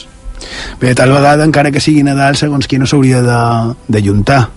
No, no ho sé, no? No sé què, què trobau de, de tot això. No, i si, si voleu, si els oients volen, volen pegar una, una clocada d'ull en, es, en aquest portal web, hi ha més fins encara d'aquestes mateixes dates, el que passa és que tampoc havien de fer massa sang. Sí, i tampoc fa, fa falta. Has parlat abans de, dels amants dels misteris ufològics. Mm, deu fer gairebé una setmana. Vaig estar llegint, no, no recordo on va ser, ho havia d'haver apuntat i no ho vaig fer. Um, mitjans des... principis dels 20 entre mitjans dels 19 i principis dels 20 eh, un dia de Nadal va haver una... curiós, perquè és abans de sa, de sa arribada del fenomen ovni com a tal, va haver una sèrie, un dia de Nadal, de d'avistaments de, de llums en el cel i molt probablement la gent ho va atribuir a les dades per les dades que tenien eh, en aquests dies, no? perquè clar, un pensa que aquest llum pot ser precisament el llum de Nadal estels, que avui no hem parlat dels estels, que també tenen aquella part de, de màgia i, mà, i, i, més quan es tracta també de, de dies precisos, de, de setmanes plenes de, de misteri. Eh, com sempre ens queden quantitat de coses per dir, tampoc eh, ni hem citat, crec que passat demà és dia de, dels Sants Innocents, que per cert, com, com va dir na, na Cati, de recepció d'aquesta casa, estàvem parlant del que simbolitzava, és a dir, el dia dels Sants Innocents es commemora l'assassinat eh, ordenat per Nerodes de tots els infants menors de dos anys de Betlem, no? de fa de més 2.000 anys. Perquè aquells mags, aquells homes estranys, li varen negar facilitar-li el lloc on era l'infant anomenat Jesús i que era conegut com el rei dels jueus. Així que Nerodes diu, i de, a tots els menors de dos anys els matau. Però la Sagrada Família havia pres la fuita cap a Egipte i es varen salvar. Ah, mira, Borja, lo que, això és el que mos va contar precisament el professor, el professor Grimal, no?, damunt de... Efectivament. Com a rondalles damunt d'aquest fet. I, i bé, i d'aquesta matança d'innocents en s'arriba la festa de, de, de bromes, no?, que es fa actualment a certs indrets d'Occidents. No tots, perquè, per exemple, a Menorca, ja, ja ho sabem, no se fa, el dia 28 de, de desembre. Però això, que s'ha de ser una mica bèstia per fer befa d'això. I Dona Cati, la nostra companya, va i diu amb molt d'encert és com si d'aquí uns anys feim festa per celebrar, no sé, la matanza de Texas. I sí, jo estic igual.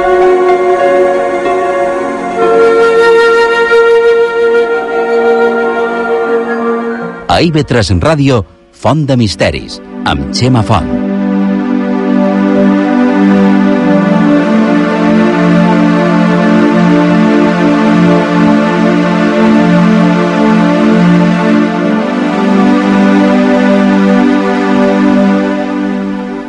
I de, tornem al, al que dèiem abans, eh, aquestes dates, aquests dies, que, perquè encara queden uns quants de, de festa per als més joves, per, per als estudiants o, o per tots aquells no, que afortunats que tinguin lliure. I de, aquest dia es podeu aprofitar per visitar monstres, eh, éssers mitològics, eh, figures arqueològiques, figures impossibles, escultures i, i semblants, no? Eh, estem parlant, lògicament, de l'Expo de Quarto Milenio, que és un recull de d'haver 300 i pico peces de eh, variades, no? En, en coses relacionades amb el misteri i, i aquí eh, ara volia contar una coseta. Resulta que quan va acabar l'anomenada nit del misteri de Níker Jiménez aquesta xerrada que juntament amb Carmen Porter va fer en el poble espanyol de Palma ja varen parlar amb ell a l'entrevista que, que li varen fer a Níker i que, i que es troba penjada a la plana web d'IB3 i a fondemisteris.com i d'allà varen ja varen parlar del que havíem de fer. I de, quan va acabar, ja havia quedat amb ells per anar per anar-nos plegats. No? El cas és que les sales d'exposició, d'aquesta exposició, es trobaven buides, no hi, no hi havia ningú, i, i la porta que donava cap al carrer es trobava tancada. La sala magna del poble espanyol, que fins només un minuts abans es trobava plena de, de gom a gom, ja era gairebé buida, i jo, per un motiu que, que no ve el cas, vaig haver d'anar fins a on era el final del recorregut de la sala d'exposicions. Una, una exposició, no ho oblidem, plena de coses de misteri, de coses també tètriques, eh, amb un realisme impressionant. Vaig travessar una sala, vaig baixar l'escala i me trobo en el passadís on són els visitants. No? Així el s'anomena l'ideòleg principal. I de vora, a la dreta, un, una altra sala plena de caps, de capitats, de, de, de, de monstres, de, de, de caps, de, de cranis robats, també. Més enllà una altra plena de mòmies, de lloguines maleïdes, monstres mitològiques, restes arqueològiques també, sense massa explicació o amb massa explicacions, i jo tot sol. Fins que, que me vaig returar i vaig pensar, quina passada, no? Estic eh, tot sol, rodejat dels misteris principals de tots els temps, no? Cares que t'observen, ulls per tot arreu, quan apareixia en, en el personatge que parlàvem abans, no? aquell que te mirava en set ulls. Clar, tot això és producte de la imaginació d'un mateix. O tal vegada pot ser que existeixin objectes maleïts, Supos que no, no ho sé, però en aquell moment, davant de totes aquelles figures, se'n varen passar moltes coses pel cap. I, I li he donat un parell de voltes en això, i un pensar. Com deu ser això de, de fer feina fent monstres, no? Perquè en el final, per exemple, una peli també són actors, són decorats, no? Al final, quan un veu segons que també és, és ficció, perquè sovint la por se la crea un mateix sovint la por en surt de de dins, no? I se'ns va ocórrer cridar a certífecs de tot això. Cridar en en, en, en Juan Villa, que és un escultor que ha fet la realitat de l'exposició, supos que basat en les corolles de, de Níker Jiménez, així que per saber tot això han fet el que habitualment feim, és a dir, parlar amb la persona que més pot conèixer el que més coneix les peces que componen aquesta exposició del misteri. Així que, Bernat, si tot, Bernat diu que sí, si tot està eh, a punt, tenim en el telèfon, connectam en, en Valladolid, perquè tenim l'escultor vallisoletà, don Juan Villa. Bon vespre, buenas noches, Juan, ¿cómo estás? Buenas noches, Chema, ¿cómo estáis por ahí? Muy bien, la verdad es que muy bien. Uh, y contentos de, bueno, de lo que hicimos el, el, pasado fin de semana, lo que pudimos asistir, etcétera, ¿no? Ah, sí, sí. Bueno, que sepáis que me, me cogéis aquí en pleno taller, me voy, a, me voy a quitar los guantes porque estamos aquí terminando piezas todavía para, para el siguiente programa, claro. Normal. Que porque, esto, esto es así, claro. Claro, y vas, vas contra reloj, ¿no? Vamos contra reloj, así que hay que exprimir cada, cada minuto del día y, y, y, estar muy bien organizados, muy bien planificados, ¿no? Claro, a ver, para, para quien no conozca el, el trabajo que hace Juan Villa, el escultor, la muestra que tienes eh, representada en la exposición que actualmente está en el pueblo español de, de la ciudad de Palma, ¿qué tipos de piezas hay en esta exposición? ¿Qué Yo podemos que- encontrar? que, fíjate, te voy a responder al revés. ¿Qué tipo de piezas no hay en la exposición? Porque Muy buena. prácticamente eh, tenemos piezas para todo para todo el público. Nos está ocurriendo una, una cosa muy muy simpática es que generalmente siempre viene un, un fan o alguien que sigue el- que nos sigue por el programa, ¿no? Y viene acompañado pues de un familiar, un amigo que a lo mejor pues no nos ha visto o tiene la, la idea desde lejos del programa, ¿no? Y resulta que, sorprendemos mucho porque las piezas que os podéis encontrar en la exposición van desde, por ejemplo, eh, cosas muy bizarras como la criptozona, con teorías científicas de cómo van a evolucionar los animales en el futuro. Os vais a encontrar con piezas arqueológicas. Tenemos la dama de la dama de Elche, la dama de Baza, eh, muchas diosas eh, íberas muy estupendas, ¿no? Pero hay una zona de chamanes. Va a haber una zona también eh, propia del misterio, ¿no? Como es el, los clásicos de los visitantes, ¿no? Pero también eh, os podéis encontrar con una zona más oscura, con recreaciones y réplicas de, pues desde elementos de tortura, momias. Yo creo que es eh, esa es la, la respuesta, un poco qué es lo que no te vas a encontrar en la exposición, ¿no? Claro, porque realmente es, es muy variado. En el día de la rueda de, de prensa estuviste comentando que cuando haces eh, una réplica de, de lo que sea, en este caso estuviste hablando de la momia de, de Prim, ¿no? Y dices que te basas en datos totalmente reales, es decir, hacen las piezas a escala. Pero claro, esto cuando es una pieza como la Dama de Elche, por ejemplo, que puedes eh, verla, están las medidas, etcétera.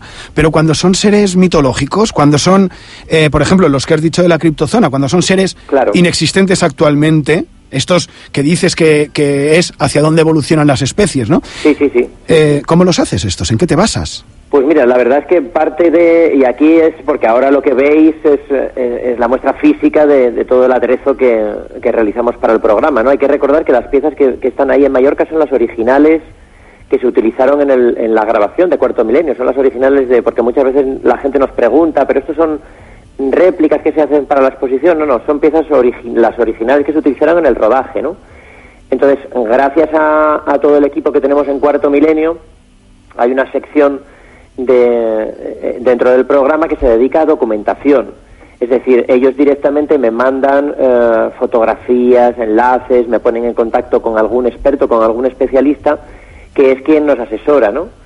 Realmente, aunque tengamos cuatro días para hacer las piezas, o a veces tres, o a veces menos, un día entero lo dedicamos a documentación y a que todo lo que, lo que vayamos a hacer después esté bien, a chequear que esté todo correcto, ¿no? Claro, es Pero decir, indudablemente la, la creatividad juega un papel importante em, para conseguir sensaciones, ¿no? Al final, con, con el plazo de realización que tenemos, que, que suele ser cortito, intentamos despertar sensaciones, ¿no? Que nuestras piezas no sean, que nuestras reproducciones no sean unas reproducciones muertas, sino que realmente transmitan algo, ¿no? A lo mejor están un poquitín más afinadas o menos con, con el original, pero intentamos que tengan la esencia, que es lo que es de lo que se trata un poco, ¿no? Para contar una, una historia en el programa, ¿no? No, y, y en la exposición misma, porque a fe que lo has conseguido. Ahora, em, cuando te estaban llamando, no sé si me has oído, bueno, en cualquier caso igual no lo has entendido, pero... He entendido, he entendido bastante. Ah, vale, pues precisamente eh, el encontrarse cara a cara con esas piezas en... eh, bueno, en, en aquel momento que fui yo solo por ahí, eh, pues claro, eh, realmente transmiten, es decir, no son, como bien tú dices, piezas muertas, ¿no? Son piezas que, que, que transmiten. Y, Claro, esa es la idea, sí, sí. ¿Y cómo, cómo las haces? Es decir, esta me imagino que es la pregunta que todo el mundo te debe hacer, pero ¿de, de qué están hechas? ¿Cómo, cómo alguien puede en un par de días eh, hacer una figura como puede ser, no lo sé, la vampiresa de Barcelona o, o no lo sé, o, el Yeti, no lo sé? Mira, indudablemente tiene una parte técnica que ahí está y de trabajo de taller con toda la gente que tengo yo aquí en, en mi estudio Prometeo y eso es una, una parte indudable, ¿no? Pero eh, la verdad es que te podría, os podría decir que, que todas las reproducciones, todas las réplicas tienen un, un 80% de ilusión y de pasión, es decir, ese es el componente básico. Le echamos muchas, eh, muchas energías, mucha, mucha garra, mucha fuerza y, y muchísima ilusión y pasión en, en nuestro trabajo, ¿no? Entonces, a partir de ahí ya viene toda la parte técnica y creativa. Claro, y para darle este aspecto, eh, por ejemplo, las, las, las caras, los rostros, tanto de personas como de animales, como, como de, de seres imaginarios, por denominarlos de alguna manera. ¿Cómo lo haces para transmitir eso? ¿De dónde sacas las caras? Eh, ¿De dónde sacan los cuerpos de las personas para, para utilizarlo? De cualquier parte, tendríamos eh, anécdotas mil. Mira, recuerdo ya por la cuarta, quinta, quinta, sobre todo quinta temporada de Cuarto Milenio, algo de la sexta, em, prácticamente casi todas las semanas teníamos, en aquel momento nos interesaba mucho el, el mundo CSI, eh, la morgue y tal, y, y cada semana hacíamos una réplica de un, de un cuerpo, de un cadáver, ¿no? Así que andábamos como locos buscando eh, montañera rusa, eh, hombre aspecto medieval con peste negra, ¿no? Claro, Así que vas por la calle, te vas fijando en caras, te vas fijando en gestos. Haciendo fotos a la gente por la calle, ¿no? Para luego fotos convertirlo... por lo menos mentales, sí. Sí, para luego hacerle un- una figura monstruosa, ¿no? Y, y, eh, y bueno, y muchas veces recurrimos a, a traer modelos, a traer gente al, al taller y hacer moldes y a partir de ahí empezar a transformar, empezar a, a replicar en todos los materiales que utilizamos, que en realidad no descartamos ninguno, ¿no? Fundamentalmente usamos materiales sintéticos porque son muy rápidos de utilizar, Claro. pero no descartamos absolutamente de ninguno, desde el látex, silicona, eh, poliuretanos, poliéster, pero a veces resulta como en, en, en los próximos programas vas a- van a vamos a sacar unas figuritas y había una en concreto que estaba tallada en madera y pues sacamos las gubias del cajón y nos pusimos a tallar madera, ¿no? Claro, bueno, a, a fin de cuentas, eh, eres artesano, es decir, aquí sí que... Efectivamente, como, como artesanos tenemos esa capacidad para, para irnos adaptando y pues si en un momento determinado hay que utilizar cuero, pues, pues vamos y utilizamos cuero si es la mejor opción. Mm, La mayor parte de las veces intentamos imitar al material, pero otras veces utilizamos materiales eh, de verdad, ¿no? Claro, sí, sí, claro.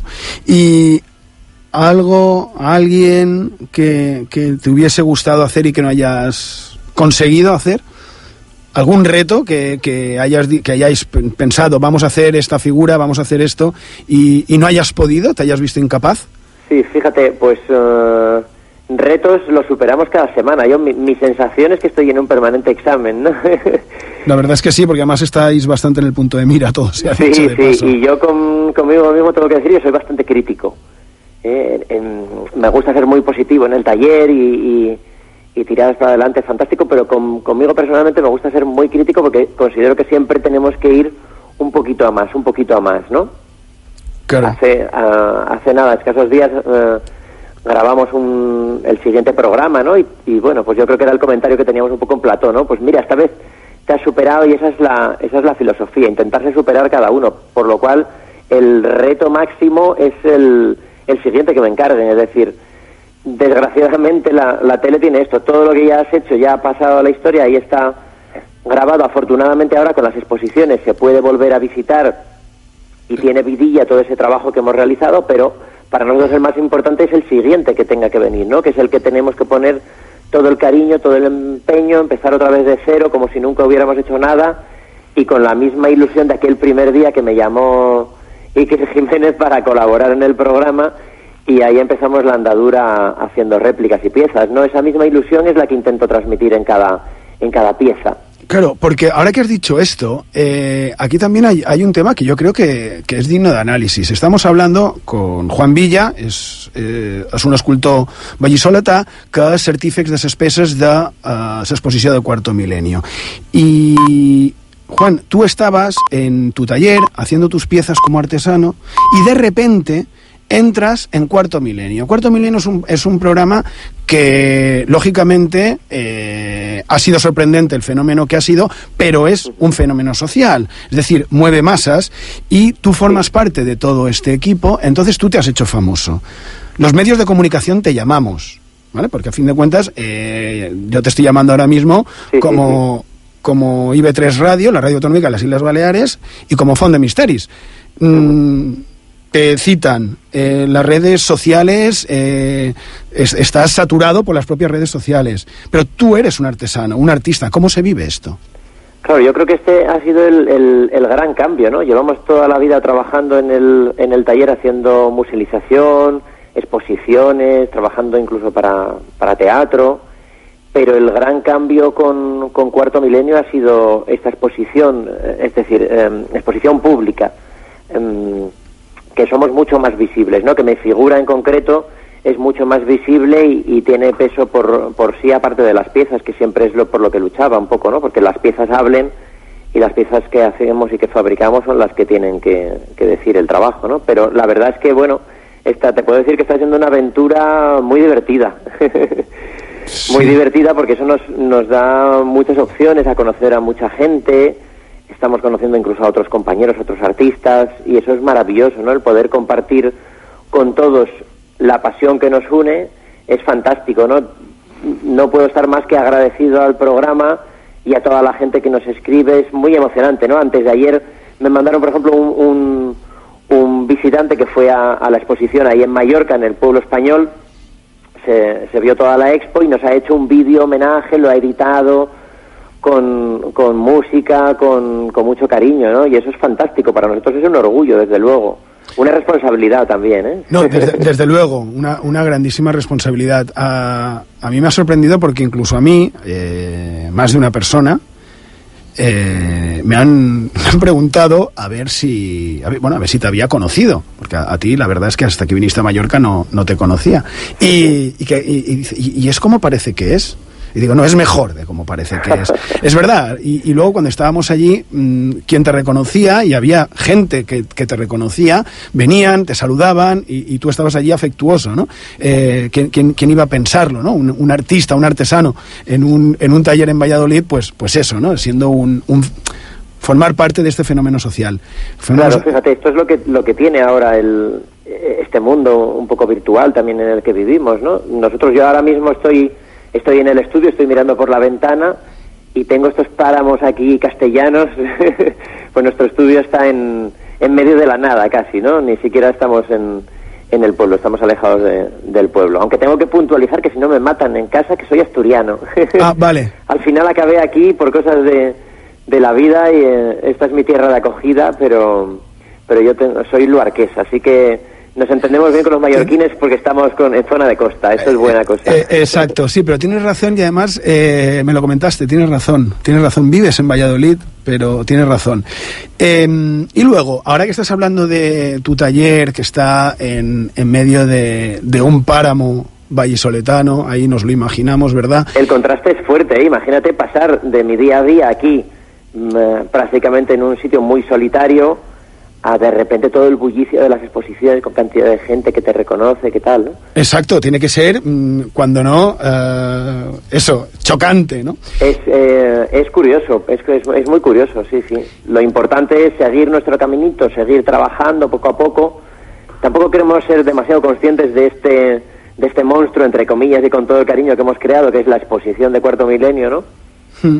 Porque necesitamos seguir eh, trabajando con los pies muy en la tierra, Claro. aunque la mente muy, muy volando por ahí, imaginando otros mundos y otras, otras posibilidades, ¿no? Pero es, eh, es importante seguir seguir trabajando y seguir haciendo las cosas que nos gustan y con las que hacemos disfrutar a todo el mundo. No, claro. de- desde, desde luego, y, y- y a fe que lo conseguís. Y te iba a preguntar, cuando tienes una pieza así ya acabada, o varias piezas acabadas, o cuando te encuentras con estas piezas tú solo, y más en, en la, en la soledad de, de- de tu estudio, en penumbra, etcétera, eh, ¿cómo son estas piezas? Porque ya lo comentaba que al final, en las películas, eh, todo es un decorado, pero transmiten esa, esa sensación de, de miedo, ¿no? Porque el miedo quizás lo llevamos nosotros dentro. Eh, aunque la criatura la hayas creado tú, te puede hacer esa transmisión de... Claro, mira, llega un punto en el que la, tú le estás dando a la pieza, le estás en el proceso de, de creación, ¿no? de modelado, de, de moldes, de copia, estás dando, estás dando, estás dando a la pieza, pero llega un punto en el que la pieza ya ha absorbido todo, ya, ya, ya tiene entidad y, y esto pasa a veces, ¿no? Ya empieza a caminar por sí sola, ¿no? Ahora las exposiciones están caminando por sí solas, las piezas ya no me necesitan ahí como Muy bueno. detrás cuidándolas, ¿no? Ya, ya van ellas solitas. Sí, Y es verdad que a veces eh, en, en alguna pieza en concreto eso te, te puede llevar un, un susto, ¿no? De repente las tienes aquí almacenadas en el taller o, o colocadas esperando a ser transportadas al siguiente destino y, y de repente te llevas un, un susto, ¿no? No quiero pensar mucho él si estamos llamando a determinadas eh, entidades para que formen parte de la pieza, que tal, porque si no ya se sería un juego peligroso, ¿no? Sí, no, desde luego, desde luego. Pero, y esto, Chema, eh, perdóname, pero esto me recuerda a una conversación que tenemos tú y yo ¿Mm? ahí en Mallorca. ¿Mm? Me prometiste que ibas a pasar... eh, Bueno, cuéntalo tú, ¿te vas a atrever? ¿Te vas a atrever a hacer Eh, esto, esta experiencia? Ahora ahí has dado, has dado, has dado. A ver, eh, els temas, eh, bueno, eh, lo diré en castellano para que me puedas entender bien. Estábamos cenando y eh, conté un poco la anécdota que he contado aquí, y es que me metí yo solo en la exposición sin tener en cuenta que estaba solo en la exposición en penumbra y cuando me di cuenta estaba en medio de todos estos seres mágicos, fantásticos, misteriosos. Y comentándolo con Juan y con Iker, dije la situación que era muy chula y que sería muy interesante el poder encontrarse cara a cara en soledad por la noche Exacto, sí. sí. solo en la, en la exposición y, y lo que empezó como un poquito un- una broma eh, debo decir que tanto Iker como Juan me, me animaron a, a- a hacerlo, ¿no? Entonces, eh, creo que sí, Juan. Si tú como, como papá de las criaturas y... Oye, bueno, tienes hasta el 17 de enero que estamos en el pueblo español. Exacto, pues Tienes ahí de, de margen, ¿eh? Tú, tú me dejas, ¿no? Tú te fías de que no te la voy a liar. dejes, peor va a ser. Sí, porque además Iker contó su, su anécdota de un programa que él hizo, eh, que la verdad es que yo no lo sabía que lo había hecho, entonces también es un poco desastre, que lo hizo en el Museo de Cera y él pasó una noche en el Museo de Cera. Entonces cuando yo le, dijo es, le dije esto, le pareció gracioso precisamente porque él ya lo había hecho con el Museo de Cera. Eh, Sí, eso es un guiño eh, fantástico, ¿no? Para nosotros es un guiño fantástico, sí. Sí, pues si te parece, eh, ya que has sacado tú el tema, te voy a coger, te voy a tomar la palabra, lo voy a hacer Y si puedo, lo haré esta semana en la que entramos y el próximo sábado contaré aquí en Fondo de Misterios, en IB3 Radio, la, la experiencia de pasar una noche a solas y a oscuras con, con todos esos seres que tú has creado, pero que como tú bien dices, no sabemos si, si algo les ha dotado de un poco de hálito, ¿no? A ver si Claro. a ver si eres un poco como el rabino que da vida al golem, no lo sé, no lo Yo sé. los conozco muy de cerca a todos los personajes, pero desde fuera puede cambiar la, la película. De todas maneras es muy distinto, claro, es muy diferente. eh, están en la exposición con toda, con toda la gente, con todo el público, todos los amigos que vienen a visitarnos, ¿no? Sí. Y de repente, cuando los días previos a, a la inauguración, que estás solo por las noches montando, lo típico es que, que terminen todos y siempre estás tú por ahí liado, colgando, colocando, ultimando algún detalle y de repente te das cuenta que estás solo en medio del sitio, ¿no? Exacto. Y en, algún, en algunas circunstancias eso sí que te da un poco de, de respeto, de respigo, ¿no? Sí, pues voy a hacer, creo que nadie lo ha hecho, ¿no? Todavía. No, en la exposición no, solamente quitando nosotros que cuando nos quedamos a montar, Claro. recuerdo con Iker y con Carmen en la primera que montamos en Madrid a las, yo creo que eran las 3 o las 4 de la mañana y todavía seguíamos ahí empeñándonos en cambiar fotos y en que, en, en- en que todo quedase bien, las piezas cambiándolas de sitio para otro y estábamos solos completamente en el Palacio de Linares, ¿no? También sitio Y de emblemático. repente nos recorrió algo por, por el cuerpo que dijimos, oye, Exacto. esto lo dejamos ya para mañana, ¿no? Pues esa sensación es la que todos los que van a ver la exposición pueden tener, ¿no? Si, si quieren, eh, pueden tener esa sensación de, de ese, ese escalofrío que te recorre el espinazo viendo esas figuras que, que has conseguido dotar de vida. Eh, Seguro, en realidad la, la- la gente, ¿qué es lo que se va a poder llevar de la exposición? Sensaciones y emociones. Van a poder pasar desde cosas que les van a asombrar, cosas que les van a, a quizás a dar pistas para investigar, para llegar a casa y ponerse a investigar sobre un tema. Oye, pues esto que, que he visto allí me interesa, ¿esto qué será? Voy a ponerme a bucear en la red, ¿no? Exacto. Eh, o rescatar los, los programas eh, donde ya hablamos de, de cada pieza, de cada historia, ¿no? Solo, También solo que se consiguiese eso. más oscuras, ¿no? Exacto, sí, es que solo que se consiguiese eso, que alguien viendo una pieza eh, quiera profundizar sobre esa, buscar en libros, buscar en, en bibliotecas para saber más, solo, solo eso habrá valido la pena todo el esfuerzo. Eh, Juan Villa, muchísimas gracias, eh, feliz año, te tomo la palabra, me pongo en contacto con, con vuestro equipo para, Claro que sí. para el tema de pasar una, una noche dentro de la, de la exposición. Esa- ahí está el reto encima de la mesa. Ahí estamos. Y yo, sin duda, que lo cojo, ya sabes. Soy un Oye, friki. aprovecho para, para felicitaros las, eh, las fiestas, un, desearos un, un gran año 2016 eh, a todos y, y dar las gracias a, a todo el pueblo de, de Mallorca por, por la acogida que estamos teniendo, tanto en las noches del misterio como en la exposición y animar a todo el mundo. Aunque no sean seguidores de- del programa, también va a ser una exposición que les va a sorprender una cosa curiosa ah, para ver y, y única, porque estamos de gira, no sabemos hasta cuándo vamos a estar dando vueltas por, por España. Seguro- Así que es una oportunidad eh, bonita para pasar un rato diferente. Sin duda, y seguro que os daréis muchas vueltas. Juan Villa, muchísimas gracias. Un abrazo muy fuerte y feliz año nuevo para vosotros también. Un fuerte abrazo, Chema. Igualmente. Muchas gracias por todo. A ti, hasta pronto.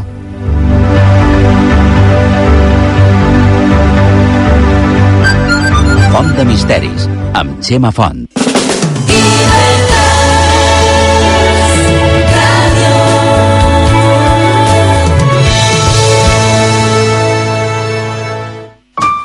Maria, s'ha acabat ja. En temes sexuals hem de ser clars i no mos han d'amagar, eh? Ai, Joaquim, saps que n'hi ha desconeixements i no te pots fer una idea dels mites falsos que encara mos envolten. I de no pot ser, les coses s'han d'explicar i s'han de tractar. Han de dir adeu en aquest oscurantisme. No passis pena, tens solució.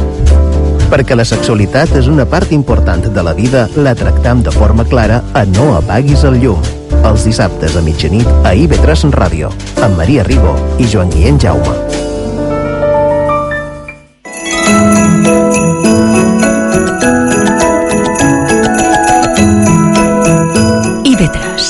10 Nadals amb tu.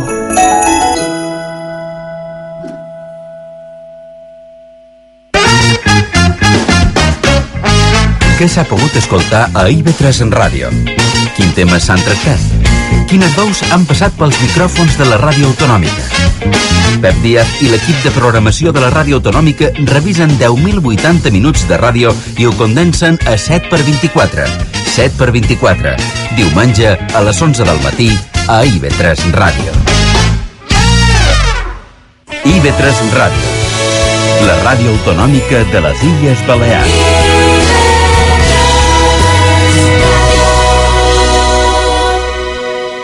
A IB3 Ràdio, Font de Misteris, amb Xema Font.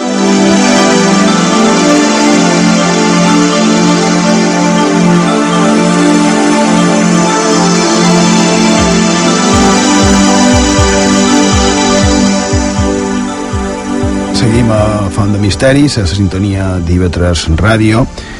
A través de la xarxa mos podeu escoltar iv3tv.com i també a www.fontdemisteris.com i seguim en aquesta secció que nosaltres venim anomenant uh, món diversos perquè precisament uh, tractant d'espipellar tot allò que, que succeeix en el nostre voltant i que ens crida l'atenció i que és actualitat normalment, com, com pot ser el que hem fet ara fa un moment uh, parlar amb un escultor que fa peces misterioses, màgiques i fantàstiques i ara també uh, en Sergio i en Borja tenen molt d'interès en comentar un parell de, de notícies i, au, tu mateix I de, comencem amb una notícia desagradable i tràgica que té que a veure amb l'estrena de la pel·lícula de Star Wars, El despertar de la força, que vam comentar la setmana passada. A Huffington Post ens ha dit El esperado estreno de la película Star Wars The Force Awakens se tornó trágico en una sala de cine de Massachusetts, cuando un fanático perdió el control y asesinó a golpes a una persona que le reveló detalles importantes de la trama. I d'anar bé tan importants com per, acabar a cops en, en qualcú La noticia segueix dient Augie Henning, un autoproclamado Sith Lord, esperaba para entrar en la sala el día 17 de diciembre cuando Jonathan Hamler, quien había acudido a la premier, salió gritando detalles esenciales del film común, comúnmente conocidos como spoilers. Uh, clar, els spoilers, què vol dir?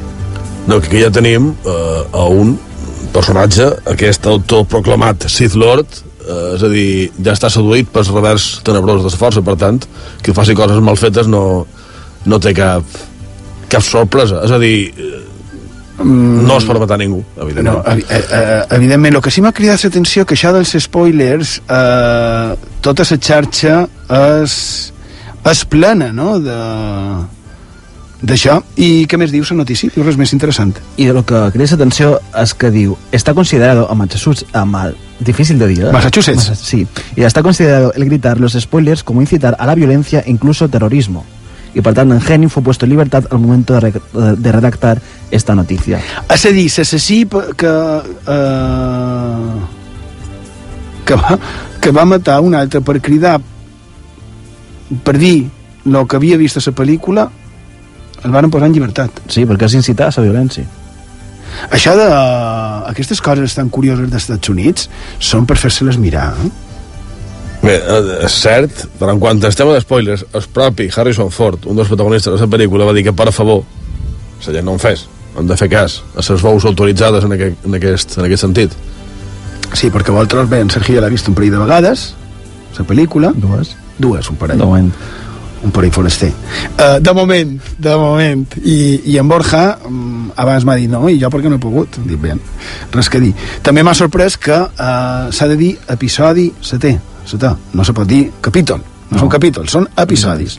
Bé, segui, seguim parlant de la pel·lícula. Sí, perquè tenim una altra notícia que també han recollit a la información.com y diu Los Simpson predijeron el estreno de la séptima entrega de Star Wars hace siete años. En 2009, la familia más famosa de la televisión predijo que habría una séptima entrega de la saga galáctica, pero no conformes con eso, también adivinó el título de la película con la que compartiría cartelera, Alvin y las ardillas 4. En el estreno de su 21 temporada, durante el episodio Homer de Hooper, Homer visita unos estudios cinematográficos ficticios llamados Gurnall's Pictures, los cuales simulaban ser los estudios de Hollywood y en los que aparecen carteles de las películas han citado, Star Wars y Alvin y las ardillas. Aunque ¿cuál es el dato curioso de esto? En la realidad, ambos films se estrenaron el mismo fin de semana del 18 de diciembre en Estados Unidos. Que, que curiós, no? Sí. Això, això sí que és veritablement eh, sorprenent. Una altra cosa és que ho hagin fet venir bé, però no crec que dues eh, pel·lícules com poden ser la de Star Wars i, i d'Alvin i les ardilles mm, ho hagin fet per fer-se gràcia en, en, en el de Simpson, perquè a més... I no és el primer pic que passa a los Simpson que hi ha una predicció del futur. Un dia podríem fer una recapitulació de prediccions de futur que han sortit a, a, a les pel·lícules, a les dues pel·lícules que hi que, que, que n'hi ha fetes, no? i eh, a les 20 llargues temporades que duen els, els Simpson. I, i ses properes generacions, quan tinguin de xerrar de profecies, com entraran Nostradamus, eh, I na, en Nova Mac Ballanga, que ara està de moda en ses, aquelles profecies sobre, Sí. sobre el món islàmic, eh, que Sí. també van comentar aquí, per cert, Sí. i en Mac Groening. Sí, el Mac Groening, que és el, eh, el creador de d'en Homer Simpson i de tots aquells éssers groguets tan simpàtics o no, segons se miri. I avui que parlàvem de... perquè no tenim massa, massa més temps eh, avui que estàvem parlant precisament de monstres de, de Nadal va sortir eh, estic parlant de, de, de, de Pare Noel sí. eh, la cerca, si quan la tinguis la, la dius, ja mentre vaig dient um, com estem parlant de monstres de Nadal tenim una precisament que ve, eh, que és molt adient per programa d'avui, digues. Y de la información.com también Pogut Jadzika, influyente diario noruego, se disculpa por haber anunciado la muerte de Papá Noel. El periódico Aftenposter ha tenido que pedir disculpas a sus lectores por anunciar la muerte de Papá Noel en su edición digital. Dentro de la sección de esquelas informaban solemnemente la muerte de este popular personaje, que trae regalos a todos los niños del mundo el 25 de diciembre, y ofrecía detalles de sus funerales. Según la esquela, que iba acompañada por una cruz, Santa Claus había muerto en el Polo Norte a la edad de 227 años. No ofrecía información sobre las supuestas causas del fallecimiento. Lo qual, sincerament, si és així com com m'han pogut veure a premsa, m'ha semblat del tot desagradable, no? Perquè quina, quina necessitat perquè clar, jo entenc que eh, tal vegada es, es fes gràcia de que ja se n'ha anat, no? però no ho sé eh, de totes maneres, eh, dir que això va acabar eh, va acabar disculpant-se eh, aquest diari perquè probablement mm, va ser que qualcú ho va publicar eh, com una esquela, com si fos certa i que ara també ja s'ha mogut un escap, però ja no tenim temps de, de comptar un, un tema també d'esqueles de, de difunts i de taüts eh, el dia dels sants innocents a la nostra terra, però això és un altre tema. I en el final el diari va haver de, de presentar disculpes. Eh, hem de començar per ti, Bernat. A IB3 Ràdio, Font de Misteris.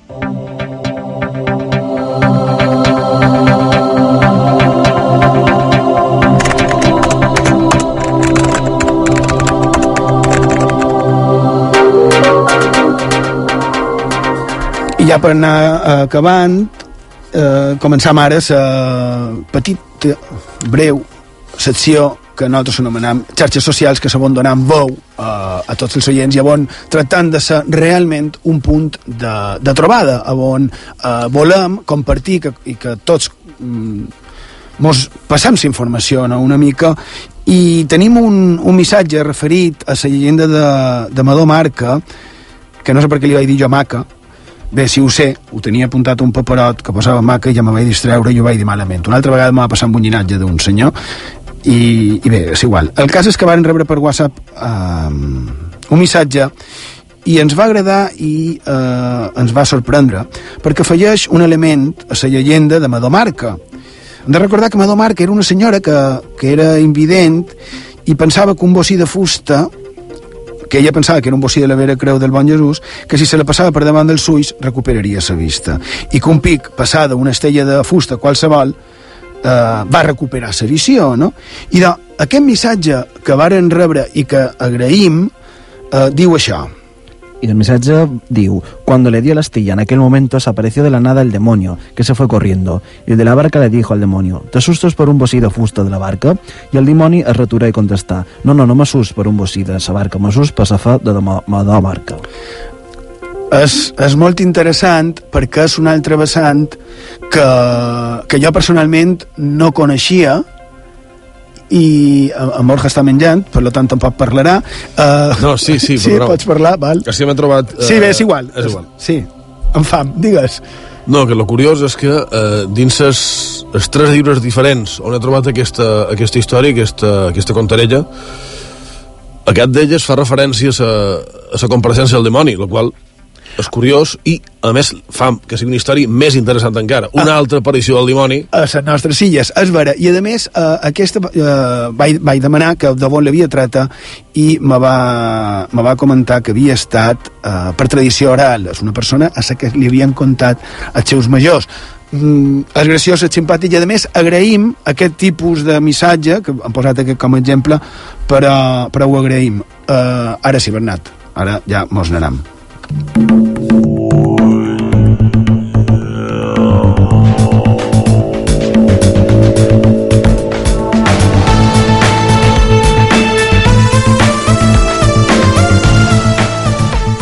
I doncs hem arribat a la fi del programa d'avui i esperem que hagueu passat una estona agradable i que hagueu, hagueu pogut treure qualque cosa profit d'aquesta font de misteris. Sé que els majors sempre ho diuen, jo no som, no som massa major ni preferir, però també ho veig, com passa el temps. No? Ja hi arribam una altra vegada, eh, s'acaba l'any, el temps passa aviat, estem contents perquè ha estat un any profitós, el manco per nosaltres, en el que respecta a la nostra quimera, que és fer font de misteris, poder donar a conèixer aquelles històries que eh, ens fan passar una estona diferent i entret entretenguda, perquè a fi de comptes no pretenem molt més que això. No? Així que un any més, gràcies per haver-nos fet tan feliços d'haver pogut fer realitat una corolla. La corolla de poder compartir amb tothom tot allò que ens crida l'atenció, aquelles fetes, aquells succeïts, aquelles històries, rondalles, llegendes, històries en mayúscula, també, que formen part, sempre ho deim, però que formen part, volguem o no, de la nostra realitat. I això és, sí, això és per nosaltres un somni, i encara més amb els resultats assolits enguany. De bon de veres, gràcies a tots.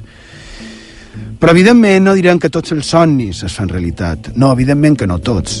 Però vos convit, sempre del, de, des del respecte en els altres, sense, sense fer malbé a ningú, però vos convidam a lluitar per allò en què creus, per tratar d'aconseguir els vostres propòsits.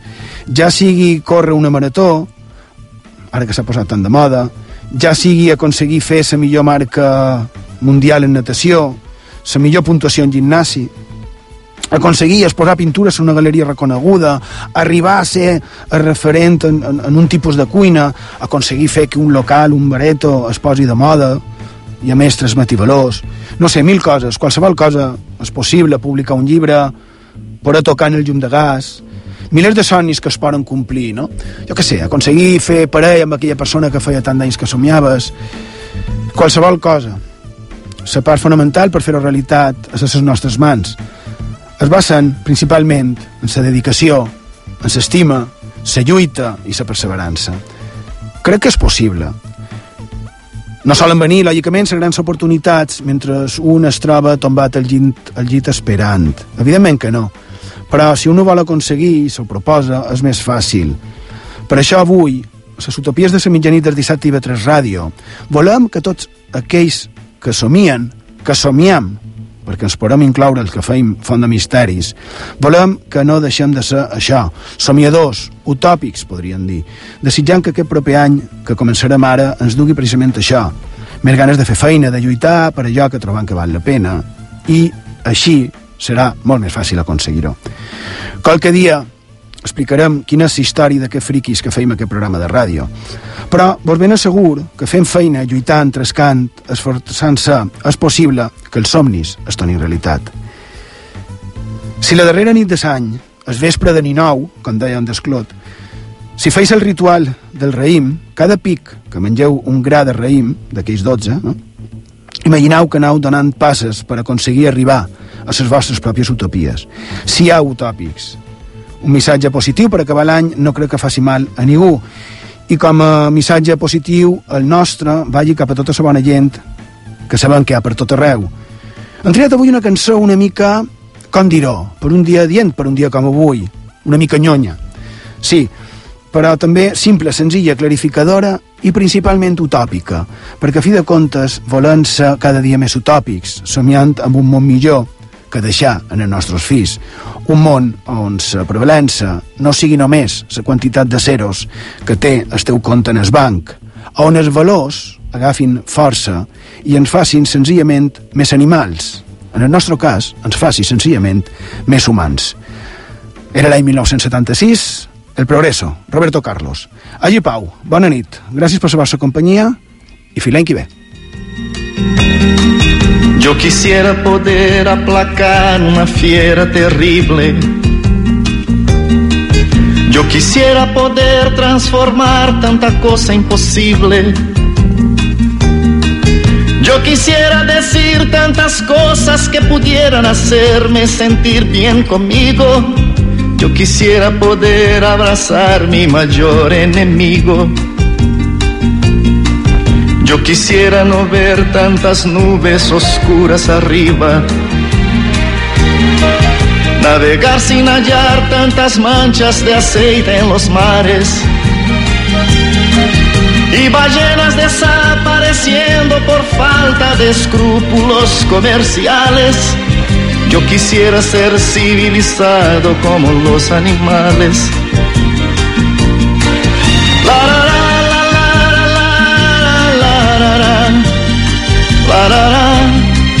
Yo quisiera ser civilizado como los animales. Yo quisiera no ver tanto verde en la tierra muriendo. Y en las aguas de ríos los peces desapareciendo.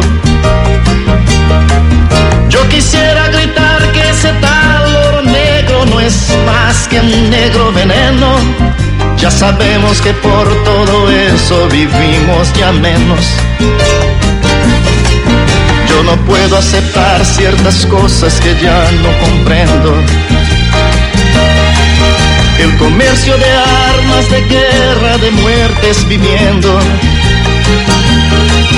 Yo quisiera hablar de alegría en vez de tristeza, mas no soy capaz.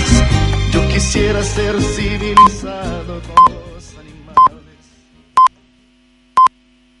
IB3 Ràdio.